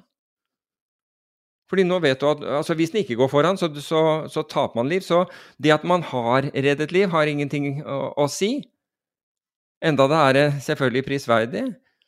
Men det at du kommer til å redde liv altså Hvis vi da ville behandle det annerledes, så er det jo litt sånn Der, der syns jeg det fins en, en, form for dilemma. Det er det ene. Det er, ikke, det, er, det er, mindre viktig. Så har du det andre. Og her blir man litt mer, mer personlig, den der i, i, i saken til, til Hatlebrekke. Fordi du har dette, og, og dette snakker man om det som kalles randomisering. Og randomisering er at, man blir, at du tar en gruppe mennesker og så trekker man lodd Altså en bestemt gruppe, det er ikke hele nasjonen. Men i den gruppen så skal da noen få veldig god behandling. Noen skal få nest best behandling. Og den tredje gruppen skal ikke få behandling i det hele tatt. Den, den, den bare fortsetter akkurat som før. Tenk deg den psykologiske belastningen av for det første du har klart å komme inn i en gruppe og du har kommet inn i den gruppen fordi du kvalif medisinsk kvalifiserer. Det er, det er, det er liksom tiltak. Det, er, det, er, satt opp en plan på hvem det er som kvalifiserer for dette. Du kan ikke ha dette, du kan ikke være det, du kan ikke være eldre enn sånn, og du kan ikke ha alle disse kriteriene. Men du er syk. Alle som havner der, er syke. Og så klarer du endelig å komme inn i den, og så får du da vite at Nei, beklager, du trakk feil lodd. Tenk deg den psykiske belastningen du blir du, eh, du, blir påført der. Tenk deg Altså, du har fått et håp at du kan bli reddet eller kan få uh, kurativ behandling, som høyst sannsynligvis vil være, vil, vil være vellykket. Og så får du beskjed om nei, beklager, du, det loddet ditt Du, du fikk Hva er det, skal vi se Å nei, du, du, du fikk tall, tallet tre. Nei, tallet tre er da da hjelper vi deg ikke. Det er nesten cruel and, unusual punishment å måtte gjennomgå dette. Og tenk deg, hvorfor i all verden gjør vi det?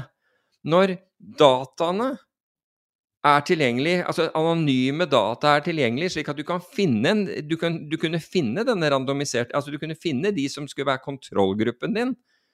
De kunne du jo funnet på andre måter. De kunne du bare funnet ved, ved å søke etter pasienter med, med, med, med, en bestemt diagnose. De hadde aldri visst om at de var kontrollgruppe, men de var det likevel. Fordi liksom det, det, fordi de, og de har aldri blitt forespeilt noe som helst i form av at du får behandling. Det er det ene. Altså, er det etisk? Er det etisk å la noen gjennomgå, i tillegg til de uh, medisinske utfordringene du har, så får du liksom den vanvittige psykologiske belastningen på toppen. Det er den ene. Det andre er i, i, uh, i Hatlebrekkes tilfelle, hvor for å være med i dette, så må du avstå fra behandling en periode, noe som du, du er villig til å gjøre i håp om at du blir tatt med, men som faktisk gjør deg enda sykere.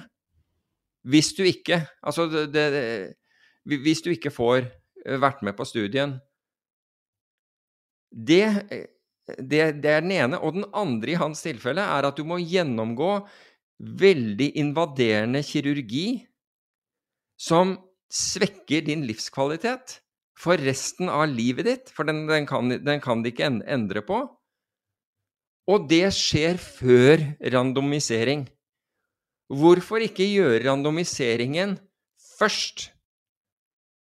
Altså, det, på meg så virker det Altså, jeg er ikke noen medisiner, men sett fra utsiden så virker det Altså, kan en lege faktisk påføre noen Fordi det, er det du gjør ved, ved denne kirurgien.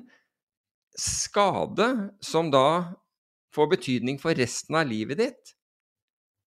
Når det ikke er kurativt. Fordi du tar bort det kurative med en gang du, du blir randomisert bort. Jeg håper ikke at dette var for teknisk, men, det, men Og en annen ting er de samme uh, forskerne driver da studie innenfor det samme, hvor de ikke har gjort noe randomisering. Hvor de har kunnet velge ut folk. Og du får da et lite utvalg av, av og, og, og, du kan si at du kan nesten velge deg til et godt resultat. Mulig at du kan velge deg til et godt resultat, men fra utsiden så ser det litt rart ut. Men jeg ble så engasjert i akkurat dette her, er at jeg tok Det er en sånn Det er en nemnd. En etisk nemnd for forskning. Og jeg nevner dette for den der nemnden, og de var helt enig i at det, spesielt det der med invaderende eh, altså kirurgi De var også med de, altså, Men jeg brukte ikke verken uh, noe, noe, saksnavn eller noe, men de var også enige at det mente de det lå utenfor. Så altså, hva kan man gjøre med det? Jo, man kan gjøre forskningen bedre ved, ved at de som gjør denne forskningen, faktisk tenker litt over om ting er Er dette den beste måten å gjøre det på? Er det faktisk bra og riktig å gjøre kirurgi på en person som får da virkninger for resten av livet ditt, og som kan være helt unødvendig å gjøre hvis du, eh, hvis, hvis du blir randomisert bort? Altså, alvorlig talt, det der, eh, altså Matematisk høres det feil ut for meg. altså Det høres feil ut matematisk, etisk, moralsk, humanitært, psykologisk. På alle fronter høres det feil ut for meg øh, å, å, gjøre. Så altså for, for, øh, for Kjetil Hatlebrekkes del så er jo beslutningen tatt. Så dette er jo egentlig bare noe som kan bidra til at systemet for, forbedres i fremtiden, da. Og jeg tror at Men det er selvfølgelig en påstand fra meg. Jeg tror av og til at forskere kan komme litt langt fra fra, fra pasientene sine, da. Fordi de er opptatt av å få til forskningsresultat, og det, det forstår jeg, men de kan liksom komme litt langt fra fra på en måte behandlingen av, av, mennesker. Altså pasientbehandlingen, pasientenes nærhet og pasientenes på en måte problemstilling. For som sagt, for meg, og jeg skal bare konkludere med det, så virker dette For meg virker det urimelig. Og hvis det er at vi tar det opp, og jeg vet at det er flere leger som hører på oss, det er kanskje ikke forskere, og de er kanskje ikke relevant for dem, og det, det, det, det fullt forstår jeg, men hvis, man, hvis ved å ta det opp, så blir dette her tatt opp og, og, og sett på og forhåpentligvis forbedret. Altså, hadde vi klart det, hadde vi klart å forbedre noe sånt nå, så er det faktisk viktigere enn noe vi gjør i finans, når jeg tenker meg om. Så det hadde vært, det hadde vært godt. Ja. Alle som uh, møter sykehus ufrivillig, tror jeg har en uh, komplisert opplevelse med det.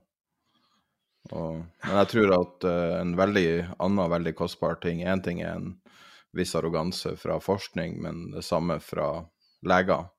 Uh, koster tidvis liv og, og veldig mye lidelser. Så det vet vi jo, det vet vi jo forekommer. Um, jeg tror man burde oppgradere status til sykepleiere og nedgradere status til leger i samfunnet. Mm. Um, det er min personlige mening. Ja. Altså, jeg, jeg, har en sånn visjon om at uh, leger, sånn alt annet enn kirurger, i teorien kan erstattes av algoritmer. De leser data, de analyserer data og tar en beslutning basert på resultatet. I praksis, altså mye av det som gjøres. Er ikke det noe som en algoritme er veldig flink til? Og i noen tilfeller bruker man jo kunstig intelligens nettopp for å oppdage f.eks. kreftformer. Men jeg må si at både sånn i, i, forhold til fastlege, så er jeg veldig fornøyd med min, bare så det, så det er sagt. Og, og, det gjelder jo den der menneskelige, hvordan du blir møtt og hele den biten, og, og tatt på alvor og ting at uh, man forsøker så godt uh, man kan. Men også Jeg har jo vært i, i kontakt med akuttjenesten noen, noen ganger i, uh, i, gjennom, gjennom, livet altså, så, så, som pasient. Og jeg må jo si at jeg syns de er utrolig effektive og bra.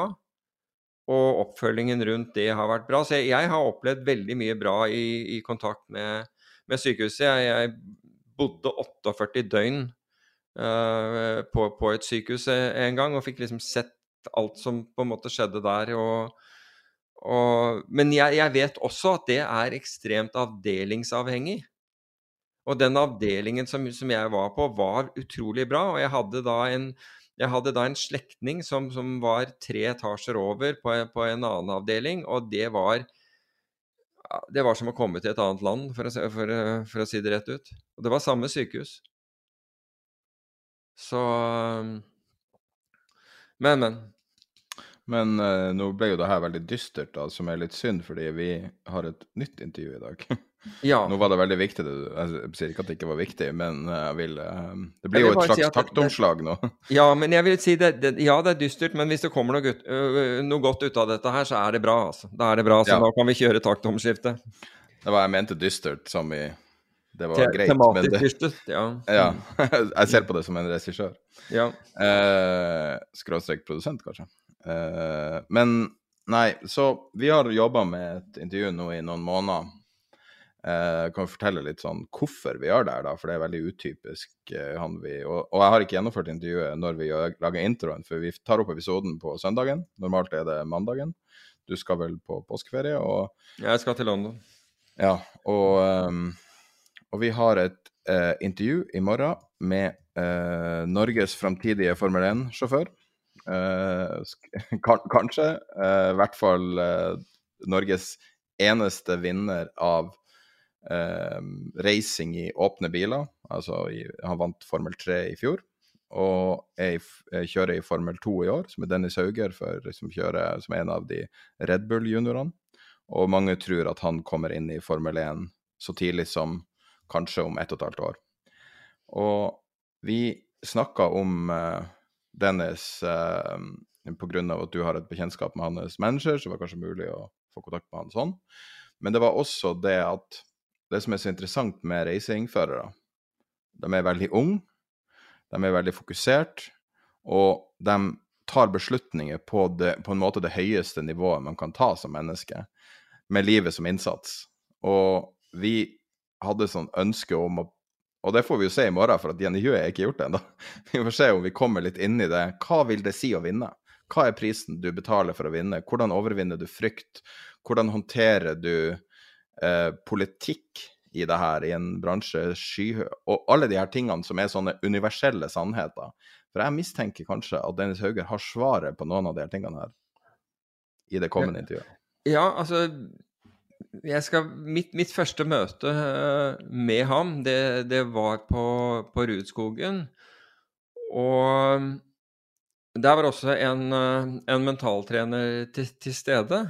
Og så Ehm, eh, som, jeg, som, jeg, kjenner. Men, men, i hvert fall så var det uh, Jeg fikk jo for så vidt et, et greit uh, inntrykk av, av, Dennis der. Traff også, også faren hans. Um, og så drev vi og kjørte noe gokart etterpå, og jeg snakket med han i, i, i, forbindelse med det. Jeg prøvde bl.a. en sånn race gokart hvor jeg måtte ha, måtte ha beskyttelse på, på ribbena. For det, det er så G-krefter i svingene at du brekker ribbena hvis du ikke har på deg denne beskyttelsen. Så det var ganske interessant. Det var noe annet enn å kjøre disse vanlige, disse, go, disse leie-gokartene. Det skal jeg love deg, det der gikk. Men i hvert fall å se Dennis gjøre det var, var, var gøy. Men det var en tid et, etter det hvor jeg, uh, hvor jeg da spør, spør uh, manageren til Dennis, altså Harald Heusmann, som jeg har kjent i veldig mange år, om, om, de hadde engasjert denne mentaltreneren. Men da, og, og svaret hans var da at at det hadde ikke gjort. Og så sa jeg hva kommer det av? Og, og, da hadde Dennis vært, klar over, vært helt klar og sagt at jeg vil ikke at noen skal fucke med hu huet mitt. Det, det, det, var sånn det ble forklart for meg. Det er mulig at Dennis brukte andre ord, men det var, det var ordene, ordene Harald brukte.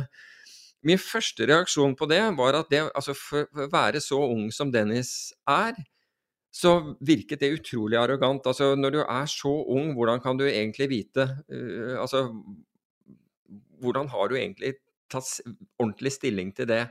Eller er det bare det at du er redd at noen skal liksom uh, uh, påvirke deg?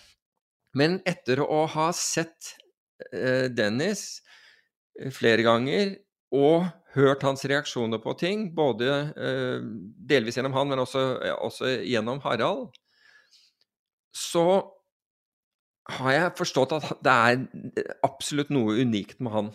Det er noe unikt med han, for han har klart å tilegne seg den kunnskap om, om uh, mental trening og, og, mental altså styrke som det vanligvis tar folk et liv å, å, å, å forstå.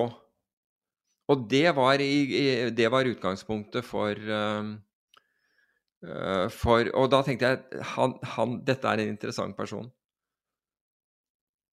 Så det, det, var, det var grunnlaget. Men da tror jeg vi går i gang med intervjuet vårt med uh, Dennis Hauger.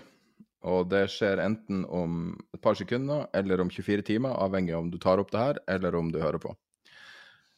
Uh, her er Norges framtidige Formel 1-fører, kanskje? Dennis Hauger. Føler du at eh, det er enorme forventninger, og det snakkes mye om det, og er det vanskelig å forholde seg til det? Nei, jeg ser jo at uh det har vokst ekstremt i Norge nå, spesielt etter, etter den serien, selvfølgelig. Og, og, jeg ser jo at flere følger med, og, og det er selvfølgelig forhåpninger. Og, og, det kommer alltid til å være press, uansett. Jeg tror når man kommer på et sånt nivå, så er det press uansett uh, hvem man er. Uh, men det er egentlig alltid noe med har tenkt på så mye, da. Det er en del av det. og um, Det er aldri noe jeg har satt så mye fokus på. Jeg tenker egentlig mer på at jeg må gjøre gjøre mitt og mine oppgaver. Um, så kan folk tenke hva vil. Hva de vil. Uh, men uh, nei, jeg bare driver, driver, med det jeg elsker, på en måte, og, og jobber hardt for å nå de målene jeg, jeg um, setter meg. Så, så, vet jeg selvfølgelig at det alltid kommer til å være press, men det er ikke noe jeg setter så mye tanker om. da. Eh, når du nevner Drive to Survive, um, som er også en veldig omstridt serie, men det, det, fine med den er jo at det viser liksom alt det slitet som er bak den glamouren og den uh, Alt det på en måte høy, uh, høydramaet som man ser uh, med Formel 1. Um, men fra de side, fra ditt perspektiv, hva er, som, hva er, det man ikke ser når man ser på løp? Altså, Hva er det som ligger bak å, bli, å komme til det nivået? Nei, det er jo ganske mye mer enn man ser på serien. Ehm, det er jo så mye dager og uker med, med time um, og simulatortrening, uh, analysering um, ukene før om, uh, for å få bare alt informasjon om uh, løpet man kommer til. Så det går så mye mer egentlig bak det da enn, enn man ser. Man ser jo kanskje litt det dramaet og, og, litt sånn når det går dårlig med noen, men man ser ikke arbeidet, tror jeg, da, på samme måte som det egentlig er. Uh, og det går jo mye mer teknisk inn i det, selvfølgelig. Uh, noe kanskje ikke alle forstår hvis man ikke er helt satt inn i det. Uh, men, men, ja, det er kanskje det man jeg, som en fører savner litt, da, at man ser det ordentlige arbeidet bak. Men det er jo selvfølgelig noe man ikke får lov til å ta med også når man begynner å jobbe inn på det tekniske. Når en, en typisk dag for deg Uh, har, du, har, du, tid til å gjøre noe særlig annet enn å trene nakken? Er ikke det, er ikke det dere gjør hele dagen? Nei, altså nå er det jo eh, ekstremt eh, travle, travelt år sånn sett, over 200 reisedøgn. Um, og når jeg er hjemme, så er det jo mye sponsorevents og, og møter osv. Selvfølgelig samtidig med, med trening. Um, det er jo mye, mye G-krefter man blir utsatt for, så det er mye trening der. Um, men så er det selvfølgelig dra til Italia, um, jobbe på simulator og ha møter og tenke litt strategi og alt uh, sånt i forhold til setup uh, før løpshelgene. Så går det mye mer tid inn i simulator hos Team Italia og hos Red Bull England, um, der vi går ja, inn i mer detaljer på det tekniske kjøremessige da, uh, og teknikker for å finjustere alt før man kommer på banen. og Alt skal jo sitte så lite tid man får på banen før kvalifisering. så Eh, må man liksom ha alt, eh, alt, i hodet av de minste teknikker før man, eh, ja, før man begynner. Så det går mye mer arbeid inn i det ukene før um, løpshelgen.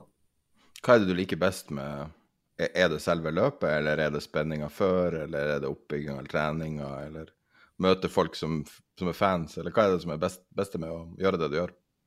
Nei, det er jo selvfølgelig um, kjøreplikten som jeg har passion for. Um, kjøre det adrenalinet man får av å fighte og, og ja, den, eh, det kicket man også får av å liksom jage de siste hundredelene og tusendelene på kvalifisering da, for å sette så best som mulig tid. Um, det er jo noe jeg setter veldig høyt òg. Um, alltid jage og, og, jobbe med forbedring for å få det siste lille ut, da. Og, og det er jo noe som ja, kjørebiten man får, får mye adrenalin av på banen. Um, så er det selvfølgelig kult å jobbe med team og, og jobbe etter forbedringer og analysere for å um, forbedre noe. Da. Det syns jeg også er veldig kult. Um, så det er jo selvfølgelig en helhet i det. Um, og at jeg, jeg, elsker det jeg driver med, så jeg hadde ikke byttet ut noe mot annet. Men, uh, men, ja, det blir selvfølgelig veldig travle dager, men det er en del av det. Og, og det er også veldig kult da, og lærerikt. Eh, du, var, du, var, åtte år når du vant din første gokart-seier, var det ikke? Mm. Har det endra seg siden da? Nå er det jo kanskje litt vanskelig å se tilbake fra til man er barn, men det er jo ikke så veldig lenge siden du var barn. så eh, føles det likt å delta på et løp når man er åtte år, og når man er i Formel 2 og, og folk snakker om mulig Formel 1-plass? Det er jo kanskje litt, litt likheter sånn sett. På en side så er jeg fortsatt meg, og jeg gjør det jeg elsker um, og har det gøy. Men det er samtidig, samtidig en veldig stor seriøsitet da, um, og mye arbeid bak um, helgene nå. Um, før var det kanskje bare å ha det gøy og kose seg, um, men nå går det mye mer inn i det. Og det er mye penger rundt hele sirkuset og mange folk som arbeider for at uh, du skal få det beste. og jobbe sammen for å ja, nå de målene man setter seg. Så det blir selvfølgelig en veldig stor profesjonalitet rundt helt. Um, men det er også noe jeg beundrer veldig mye. At uh, man jobber med andre for å nå de målene. Og det er kult å se uh, den lidenskapen til så mange mennesker på banen. Um, at de elsker også det de driver med, og, og jobber hardt, uh, like hardt som meg, for å ja, oppnå det det man vil. da. Nå var det vel ikke så mange tilskuere i Saudi-Arabia, men det var 450 000 tilskuere i Australia i helga. Det er ganske crazy. En kvart million Nei, en halv milliard En halv million mennesker, sorry. En halv million mennesker ser på dere holde på. Det er ganske crazy, altså. Ja, det er dritkult. Og um, når jeg kjørte i Formel 3 når det var eh, pandemien, så var det jo nesten ikke så mye eh, folk, for det var jo så begrensa. Uh, men å se jeg at det åpner opp igjen, og si at tilskuerne og og alt som skjer rundt løpshelgen, da, eh, hvor stort, stort, det er, er jo ekstremt kult å, å, være en del av det da, på samme løpshelg. Eh, du, du, har vunnet ganske mye i livet ditt, og det, det ser ut som liksom sånn at alt har gått på skinner. Men eh, selvfølgelig har det jo ikke det fra innsida, men, men, hva er det egentlig som, som, skal til for å vinne? Er det en ting, eller er det sammensetning av ting, eller er det noe du er bevisst på, den lille edgen, for å klare å slå det Dere sitter jo tross alt i samme bil. Ja, på en måte når man er på et sånt høyt nivå, da, så er det så små ting som avgjør eh, om um, man er på første eller femte, liksom. Um, og det er jo det harde jobbingen med teamet, sette inn dagene og, og virkelig det kommer mye småting som setter seg sammen til syvende og sist. Da, om det, det, er den førsteplassen eller om det er den femteplassen. Um, men uh, men ja, det er det vanskelig å svare på. Det er, det er så mye oppbygning, da. Um, jeg vet det er et dumt spørsmål, det er ikke meninga å, å, gi deg et sånn åpent uh, men, men, det er liksom Å vinne er Jeg husker jeg hørte en, um, en uh, fighter i en dokumentar før UFC ble stort, så var det en dokumentar der det var en sånn verdenskjent fighter. Og da sa han uh, hvor mye er du villig til å ofre for å vinne? Er du villig til å stikke fingeren inn i et sår og rive det opp for at motstanderen skal blø mer? Er du villig til å gjøre det? For det er det som du må gjøre for å vinne. Mm. Er det sånn det er? Ja, det er jo altså Når man er på et sånt nivå, da, så er det jo alle ofrer jo eh, det meste man har av sitt personlige liv, holdt jeg på å si, eh, med de reisedagene og, og, det livet man setter seg. Um, og, og, man jobber jo så hardt um, før, før løpshelgene og analyserer og jobber jo med teamet hele tiden. Um, og selvfølgelig når man er f.eks. jeg da var jo 12-13 år og reiste alene da jeg var 14. Um, til Italia for å kjøre med kart, karting da, med, med teamet jeg kjørte for. Um, så det er liksom en livsstil man har, jeg på en måte har blitt vant til òg, da. Um, og det høres jo kanskje sjukt ut når man reiser alene som 14-åring, liksom. Um, men for meg var det ganske normalt, da. Um, og det har jo selvfølgelig ikke alltid gått på skinner heller. Det har jo vært noen veldig ekstremt tunge år og måneder uh, til tider. Og det jeg også føler er viktig som for å bli best, er jo selvfølgelig den, også den biten. da, Å klare å komme seg opp på beina igjen. da. Um, og det også føler jeg har gjort meg mye sterkere. Og, når man har en tøff sesong f.eks. og ikke nøler på at du ikke er god nok, eller noe sånt, da, at man, man kommer seg tilbake og, og bare motbeviser um, hva folk sier. Um, så det var jo på en måte casen for meg i 2020 til 2021. da. Um, og det var en viktig sesong for meg 2021 å vise at, at jeg um, er verdt å være der oppe. Så um, det er sånne også ting da, som jeg tror bygger det opp og, og, og gjør de beste bedre. Um, så det er mye småting til siden og sist. Men det er alltid den harde jobbingen og, og ofringen, som du sa.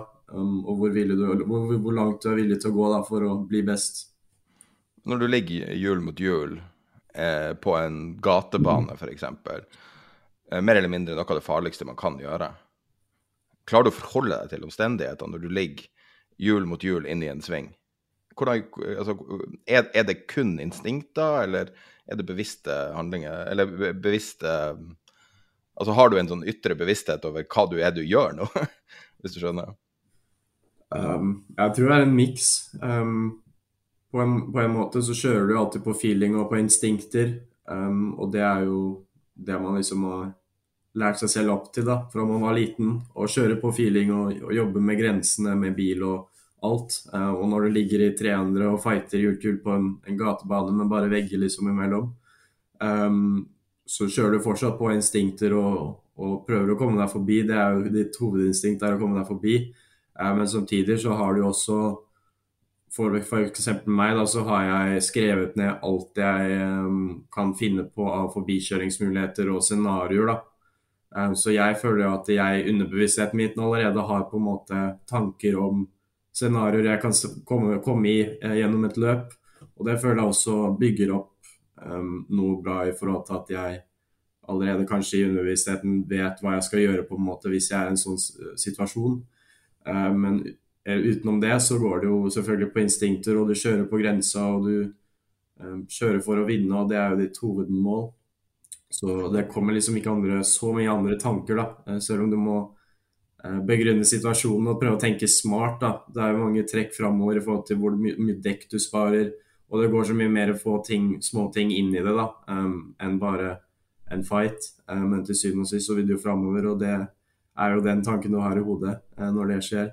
Men um, du får liksom ikke så mye limit, limitasjonstanker, hvis det var det som du tenkte. Da, at man tenker at det kan være farlig, så er jo det aldri en tanke man kan sette seg i hodet, for det blir plutselig ti ganger farligere hvis du begynner å tenke hva som kan skje. da. Uh, du må committe når du kjører. og Gjør du ikke det, så kan det plutselig gå gærent. Interessant at du sier at du har skrevet hvor, hvor mange forskjellige forbikjøringsscenarioer finnes det? Nei, Det kommer helt opp på banen, men uh, det er jo selvfølgelig noen steder på en bane der det er veldig populært å kjøre forbi, der det er mye enklere å kjøre forbi etter en langstrekke, etter en DRS-sone selvfølgelig og sånne ting. Men så er det også scenario man kan tjene mye på som i en start, da, for den første runden er veldig viktig. Uh, for du kan plutselig trene fire posisjoner, og plutselig så ligger du i en helt annen situasjon i løpet i forhold til at du kan spare dekk mer og alt sånt. Så alt, eh, alt er så relativt da, i forhold til å klare å komme seg litt opp. Så jeg, jeg tenker også på hvor jeg kan posisjonere meg i første sving um, for å tjene så mye som mulig i forhold til hvem som er hvor inn mot første sving. Så det er alltid sånne småting for å ja, prøve å tenke seg litt gjennom kanskje hva som kan skje før det skjer, da. Men når du faktisk gjør det, så går det jo mer på instinkt da, til syvende og sist.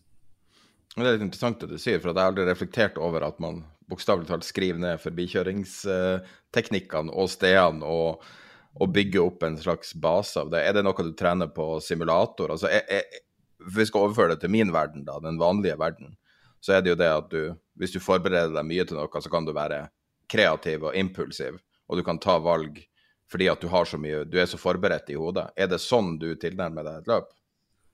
Ja, jeg føler det. Man har jo så mye scenarioer i hodet allerede før man egentlig um, kommer på løpshelgen. Um, og vi, jeg, Det kommer helt an på fører, da, hva de gjør. Men jeg skriver jo ned alt jeg gjør. Det er det jeg føler funker for meg. Um, så jeg har jo alt, alt, av notater i forhold til teknikker i hver sving. og hvordan man kan gjøre svingen best som mulig, på best som mulig måte, da, uten å si det for teknisk. Men det går veldig mye inn i teknikker på bremse og gass og alt sånt for å prøve å optimalisere alt. Um, og det er det vi jobber mye med på simulator, da, for at alt skal bli en uh, naturlig ting. da. Um, at de riktige teknikkene skal gå naturlig når det kommer på banen. Um, og det er jo det man jobber mye med gjennom, gjennom på simulator for å ja, få alt helt optimalisert før, før, man faktisk skal sette den tiden, da, og ikke gjøre noe feil og prøve å optimalisere løpshelgen, rett og slett. Mistenker at uh, mye av jobben din, selv om det er veldig mye fysikalsk, og du må jo selvfølgelig trene mye kjernemuskulatur, og det er vel uh, notorisk veldig hardt å trykke inn bremser på uh, Jo større og større bil, jo hardere og hardere det bremser. men når det kommer til mentale, så har Peter snakka om tidligere at du hadde sagt nei til å få en mentaltrener, og at det var et bevisst valg fra deg. Var det et bevisst valg fra deg? Uh, uh, ja, det har um... Du trenger ikke å snakke, du kan si at du ikke vil snakke om det, det var, ja. men det var på generelt grunnlag, fordi at mentalitet er så stor del av jobben. Det var derfor jeg tenkte Ja, det går jo så mye, med, mye på mentaliteten, da, når det er en så lang sesong med oppturer og nedturer. Um, og du må liksom holde deg selv oppe da, eh, mentalt og være sterk der. Og jeg føler at jeg har bygd noe opp siden jeg var tolv, så jeg har allerede begynt å liksom sette på musikk før jeg skal kjøre og prøve å skape meg selv rutiner. da, Så jeg har jo alltid rutiner før jeg skal sette meg i bilen, uh, for å få meg en sone, på en måte. da. Um, så jeg føler at det er noe jeg har drevet opp, selv lært meg på en måte, og, og bygget opp um, hele veien. Um, og styrke selvfølgelig hele tiden. Så jeg har følt at det var jo etter den sesongen i 2020 da det ikke gikk så bra, at jeg ble spurt om å prøve å kanskje snakke med noen, at det kanskje kunne hjelpe. Um, så jeg hadde jo møtt jo en liksom for å se hvordan det var, um, følte ikke at det var noe for meg. Og jeg er ikke en person som liker på en måte å bli tukla med i hodet, da, hvis man kan si det sånn. Um, så jeg følte at uh, jeg måtte bare stole på mine egne instinkter sånn sett, og, og fokusere framover og, og jobbe og selvfølgelig finne ut litt nye uh, teknikker på hvordan jeg kan jobbe mentalt. Men uh, til syvende og sist så jobbet jeg sånn jeg gjorde og ikke tvilte på meg selv. Jeg følte at det var noe som var avgjørende, at jeg ikke skal tvile på meg selv og ikke tvile på at jeg ikke er god nok. Um, og jeg gikk inn i den 2021-sesongen uh, og vant den, um, så jeg følte at uh, um, det beviste at jeg, at jeg gjorde jobben jeg uh, måtte, da. Så ja, så det syns jeg var litt kult, da, at jeg klarte å komme tilbake og, og motbevise på en måte at, uh, at, jeg er god nok, og at jeg aldri må tvile på mine egne ferdigheter. da. Eh, du ble jo beskrevet som og, altså Hvis du ser på en ikke-norsk kilde, så snakker de om din dominans i Formel 3. sånn at uh, Nå er jo jeg norsk, så det blir jo litt sånn partisk, men uh, du gikk fra å dominere Formel 3, og du hadde liksom på en måte kanskje litt, var litt komfortabel der, skulle jeg tro. Og så kommer du til Formel 2 med større, større heftigere biler, og ikke minst mer spissa felt. Uh, det, det, er vel litt som å komme opp en høyere divisjon. Uh, hvordan opplever du det at du på en måte til en viss grad må starte på nytt? Eller er det å starte på nytt? Ja, du blir jo selvfølgelig rookie i uh, en ny klasse, um, så det er jo selvfølgelig mye nytt. Og jeg føler at vi kanskje har vært litt uheldige i år uh, så langt. Eh, men samtidig så føler jeg at jeg har bygd opp erfaringer, og jeg vet selv at selv om jeg vil vinne selvfølgelig hele tiden, så vet jeg også at det er en oppbygningsprosess, og jeg må være litt tålmodig sånn sett òg. Um, så jeg føler at jeg har fått uh, positive ting her og der gjennom sesongen, men det har ikke klaffet helt ennå. Um, men uh, nå går vi inn i en test i Barcelona uh, denne uken, og jeg føler at det er en god mulighet også til å jobbe med ting vi må som et team, og også for meg selv for å få meg bare 100 eh, komfortabel med bil og alt. Um, det er jo ekstremt lite trening utenfor løpene, uh, utenfor simulator også, så um, det er derfor det er så viktig å ja, bruke de testene man får til å klare å komme seg helt opp. Så um, jeg vil jo være der oppe etter hvert, og jeg vil jo fighte for seire, men jeg vet jo selvfølgelig at jeg, jeg må bygge opp meg selv og og bygge opp noe, noe, mer når det går inn en ny sesong. Um, når jeg kjørte første sesongen i Formel 3 også, så det var litt annerledes sånn sett. Men uh, det er alltid en oppbygningsprosess, da. Og jeg føler at uh, um, ja, nå, nå, vet jeg at det kommer seg oppover, og det blir bedre og bedre. så jeg må bare stole på teamet og, og meg selv på at um, vi er på bedringens vei, sånn sett. da. Men så har du jo også da det som er så kjipt med Formel 1, er jo at din største konkurrent er dine eh, nå, er det, altså, nå, sier jeg Formel 1, men altså du, eh, dine, du, er på vei så nært Formel 1 at man tenker allerede Formel 1. Mm. Og eh, da er det jo alltid det å slå lagkameratene veldig viktig, men det er jo fordi at man da er den eneste som har samme bil. Men eh, i dette tilfellet så har du jo en rekke andre som også er Red Bull-juniorer, som gjør det bra. Og hvordan opplever du det? Fordi at eh, i fjor så føltes det som at, liksom, at du måtte, var ett steg foran alle andre, selv om andre hadde kjente Det var jo mange kjente Formel 1-etternavn, blant annet. Uh, det er jo det også i år, men um, hvordan er det uh, Altså den, den, overgangen Jeg tenker på sånn for sånn som du ser Juri Vips for eksempel, har trukket frem. Han regner med at du kjenner ganske godt personlig. Er det vanskelig å Klarer du å ta det steget til å bli brutal med dine egne venner, eller er dere venner? Ja, det er jo noen man er venner med um, utenfor banen, noen man kanskje ikke kommer like godt overens med. Men uh, når man kommer på banen, så er det no mercy uansett. Um, og det er det som er viktig, å ikke ha respekt for noen når man er på banen. Um, og det føler jeg også er uh, viktig for meg. da, Komme inn som rookie og f.eks. gjøre Vips, da gå inn i tredje sesongen i år. sånn at det, det er en helt annen tankegang for dem når de går inn i andre og tredje sesongen, alle de andre juniorene utenom én og meg. Så uh, for meg så er det viktig å bygge opp og, og vise progresjonen. Uh, samtidig um, få ut albuene litt og vise at du ikke skal kødde med meg heller på banen, liksom. Um, så det er også en sånn litt sånn på en måte annen tankegang, tror jeg, når du kommer inn i en rookiesesong eh, kontra folk som også går inn i en tredje sesong, da, som teamkompisen min. Eh, Daruvala han eh, går inn i tredje sesongen nå og har selvfølgelig mye erfaring. Um, så det er også for meg å vise at jeg har den progresjonen og bygge meg opp og uh, etter hvert fighte for de seirene med de som er erfarne. Da. Det tror jeg er enda viktigere enn å ja, um, tenke andre tanker og tenke at de um, har mer erfaring. Og jeg skal ikke gjøre det noe dårligere enn dem, jeg. jeg skal bygge meg opp og og bli like god og like fighte om seirene med dem. da. Um, så det er det som er målet. Uh, du hinta jo litt til det som skjedde i Saudi.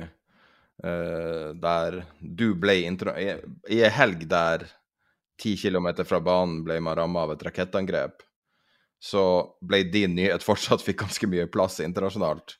Som var at uh, du hadde en, en seier som ble dømt bort. Jeg kan tenke meg at det må være en helt voldsom skuffelse. Hvor lang tid tar det deg for å bearbeide den skuffelsen? Uh, nei, det, det, var jo selvfølgelig mye som skjedde sånn i forhold til bak kulissene, da. Um, det var litt mer teknisk enn en bare det. Det er selvfølgelig mye regler og sånt, og vi var jo i juryen med race directoren, altså sjefen, eh, lenge.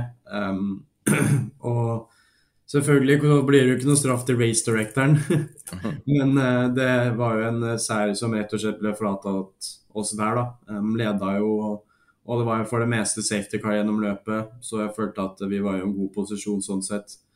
Um, men jeg føler at um, det som er viktig også da, på en sånn måte, det var ekstremt tungt da, eh, når det blir fratatt en seier og første seier i Formel 2 eventuelt. Um, men jeg føler at um, jeg gikk jo inn uh, i neste løp dagen etter. Um, så det er jo det å være litt irritert, selvfølgelig, og, og ikke være glad etter løpet noen timer. Men det å klare å resette og fortsette å jobbe med teamet og, og, bare se fram mot dagen etter, da er jo enda viktigere for å ja, den mentale biten og, og vise at du er sterk der, da. Um, så jeg følte at det også var noe som var bra. At vi gikk inn i løpet dagen etter og vi kjørte oss opp og kom på sjetteplass og fikk en en god, god, del poeng, i hvert fall. Um, og det følte jeg var en um, opptur sånn sett, da, i forhold til å bare resette og, og, vise at man ikke mister uh, den tilliten eller uh, den mentale biten. da, um, At man er sterk der og kald. Så um, det var jo selvfølgelig ekstremt irriterende. Um, men så kan man være sur i noen timer, da, og så, og så er det neste løp som gjelder. Um, hva forventer du av året i år? Nei, det er jo litt som jeg har sagt eh, tidligere, da. Det er jo selvfølgelig at jeg vil jo vinne og jeg vil være oppe og fighte om seire. Um, så er det det bare på en måte å bygge opp nå um, de, siste, og, de siste dagene og, og, bygge opp noe bra for å virkelig ta det steget opp. da. Vi er på en måte der, eh, men så er det den erfaringsbiten som må bare komme for å, for å la meg eh, ja, få det siste lille. Så Um, det blir jo selvfølgelig å fighte om seire som er målet, um, men også bygge med meg selv opp. Og, og, jeg føler at vi er i en posisjon der vi har en god stigning hele veien nå. Så um, ja, jeg føler at vi er i en posisjon til å klare å fighte om seire med tid, da. Og tror du du ender opp i Formel 1? Det Jeg er ikke synsk, så det er litt vanskelig å svare på, dessverre. Men uh, nei Jeg tar det som et ja. det er jo målet, selvfølgelig, um, og det har jeg jobbet for hele livet. Sånn at um, um, jo fortere det kanskje, jo bedre, selvfølgelig. Men, uh, men det er jo et, et trangt nåløye nå, og det er jo veldig høyt nivå i Formel 2, så jeg må jo bare fortsette å jobbe der jeg er, og så bevise at jeg er verdig en plass i et ett steg opp. Det er jo uh, flere som har utpekt en mulig plass på et et søsterlag til Red Bull som kanskje kan være til neste år, som sikkert mange higer etter. Så får vi bare vente og se. Men kan jeg ta et siste spørsmål før vi sjekker ut? Mm. Eh, hva tror du du hadde drevet på hvis du ikke kjørte bil? Ja, det, det er litt vanskelig å si, nesten. Um, helt siden jeg var liten, så har jeg alltid vært veldig opptatt av idrett, på en måte. da. Um, det har alltid vært motorsport som har ho vært hovedgreia for meg. Og vært min ekte passion, men jeg har jo drevet med masse idrett på siden også i forhold til andre ting, da. Når jeg var litt mindre, før jeg begynte å satse ordentlig på, på motorsport. Um, så det er litt vanskelig å si. Det er liksom Helt siden jeg var ett-to år, så har det alltid vært eh, mine tanker da, om motorsport. Og jeg har aldri satt meg selv i en annen situasjon der jeg tenker jeg kunne drevet med noe annet. Jeg føler at dette er det jeg uh, ja, vokst opp til å gjøre, og, og, det jeg elsker. Og jeg har aldri satt på noen annen tanke om å drive med noe annet i livet. Så jeg tror det er fordi jeg har den passion jeg har, selvfølgelig. Uh, men også det ja, det jeg har fighta for hele livet, da. Så litt vanskelig å svare på, men det hadde jo sikkert blitt noe noe annet, men eh, kanskje noe annen idrett, det vet man ikke. Men eh, ja, det hadde vært noen andre tanker i hodet da. Supert. Men tusen takk. Eh, jeg vet at du er supertravel, så tusen takk for at du tok deg tid til å snakke med oss. Og så satser jeg på at du vinner i år og er i Formel 1 til neste år. Ja, det får man håpe. ja, da er vi ferdig med uh, denne episoden. Vi uh, kommer til, etter episoden går ut, sende ut et nyhetsbrev, uh, som vi alltid gjør. Hvis du ikke abonnerer på nyhetsbrevet, som er gratis. Eh, så kan du gå på tiderpenger.no nyhetsbrev. Og det som kommer til å komme i brevet, er alt mulig som vi bruker for å lage podkasten, som enten kommer med eller ikke av research og sånn. Eh, blant annet refererer vi til en rekke analyser fra Goldman 6 og eh, flere andre investeringsbanker som vi kommer til å legge med litt grafer som viser bl.a. en veldig fin oversikt over hvor sinnssykt overprisa finans. uansett hvordan, uh, uansett hvordan uh, aksjer du egentlig velger. Og så har du en fin oversikt fra Zillow over de uh, rente... Nei, hus... Jeg, sa det på engelsk, rente, men jeg mener hus, husleieveksten i USA. Og så har du da en, en, av de skumle tendensene vi ser, som er da hvordan si, lagrene i verden er i ferd med å gå tom for flybensin. Så har vi en fin oversikt over inflasjon de siste 1000 årene, i tilfelle du lurer på hvordan det står ut nå. Også en rekke grafer og eh, tall som, vi, som underbygger det vi har snakka om, både i forbindelse med Kina og andre ting. Og vi legger også med link eh, til alle videoer vi har referert til, sånn som den fra Thomas Nilsen i eh, First-fondet. Så da kan du gå på Tiderpenger og nyhetsbrev og eh, abonnere på det. Leser du nyhetsbrevene, Peter? som jeg skriver? Ja, de fleste gangene gjør jeg det. Ja. Absolutt. Nei, det, det, er ofte bare fint å få Noen liker å ha det når de hører på, andre vil bare ha det etterpå, og andre leser det ikke i det hele tatt. Eh, men alt vi refererer til av linker og ditt og datt, uh, kommer der. Uh, og jeg tror nok at vi fortsetter å anbefale den samme boka som vi snakka om sist. Vi har jo en bokhandel eh, i samarbeid med Gyllendal. Og Eh, nylig så har vi fått inn boka som heter The Bond King, og hvis du ikke kjenner til den, så kan du høre forrige episode. På slutten av det snakker vi om det, og den kan du også linke til i nyhetsbrevet. I tillegg til masse andre bøker vi anbefaler der. Men da tror jeg vi er tilbake om ei uke på første påskedag. Ja. Tror du vi får det til? Ja, det tror jeg vi skal få til. OK. Da får vi ønske alle en riktig god påske. God påske og god tur til London. Takk.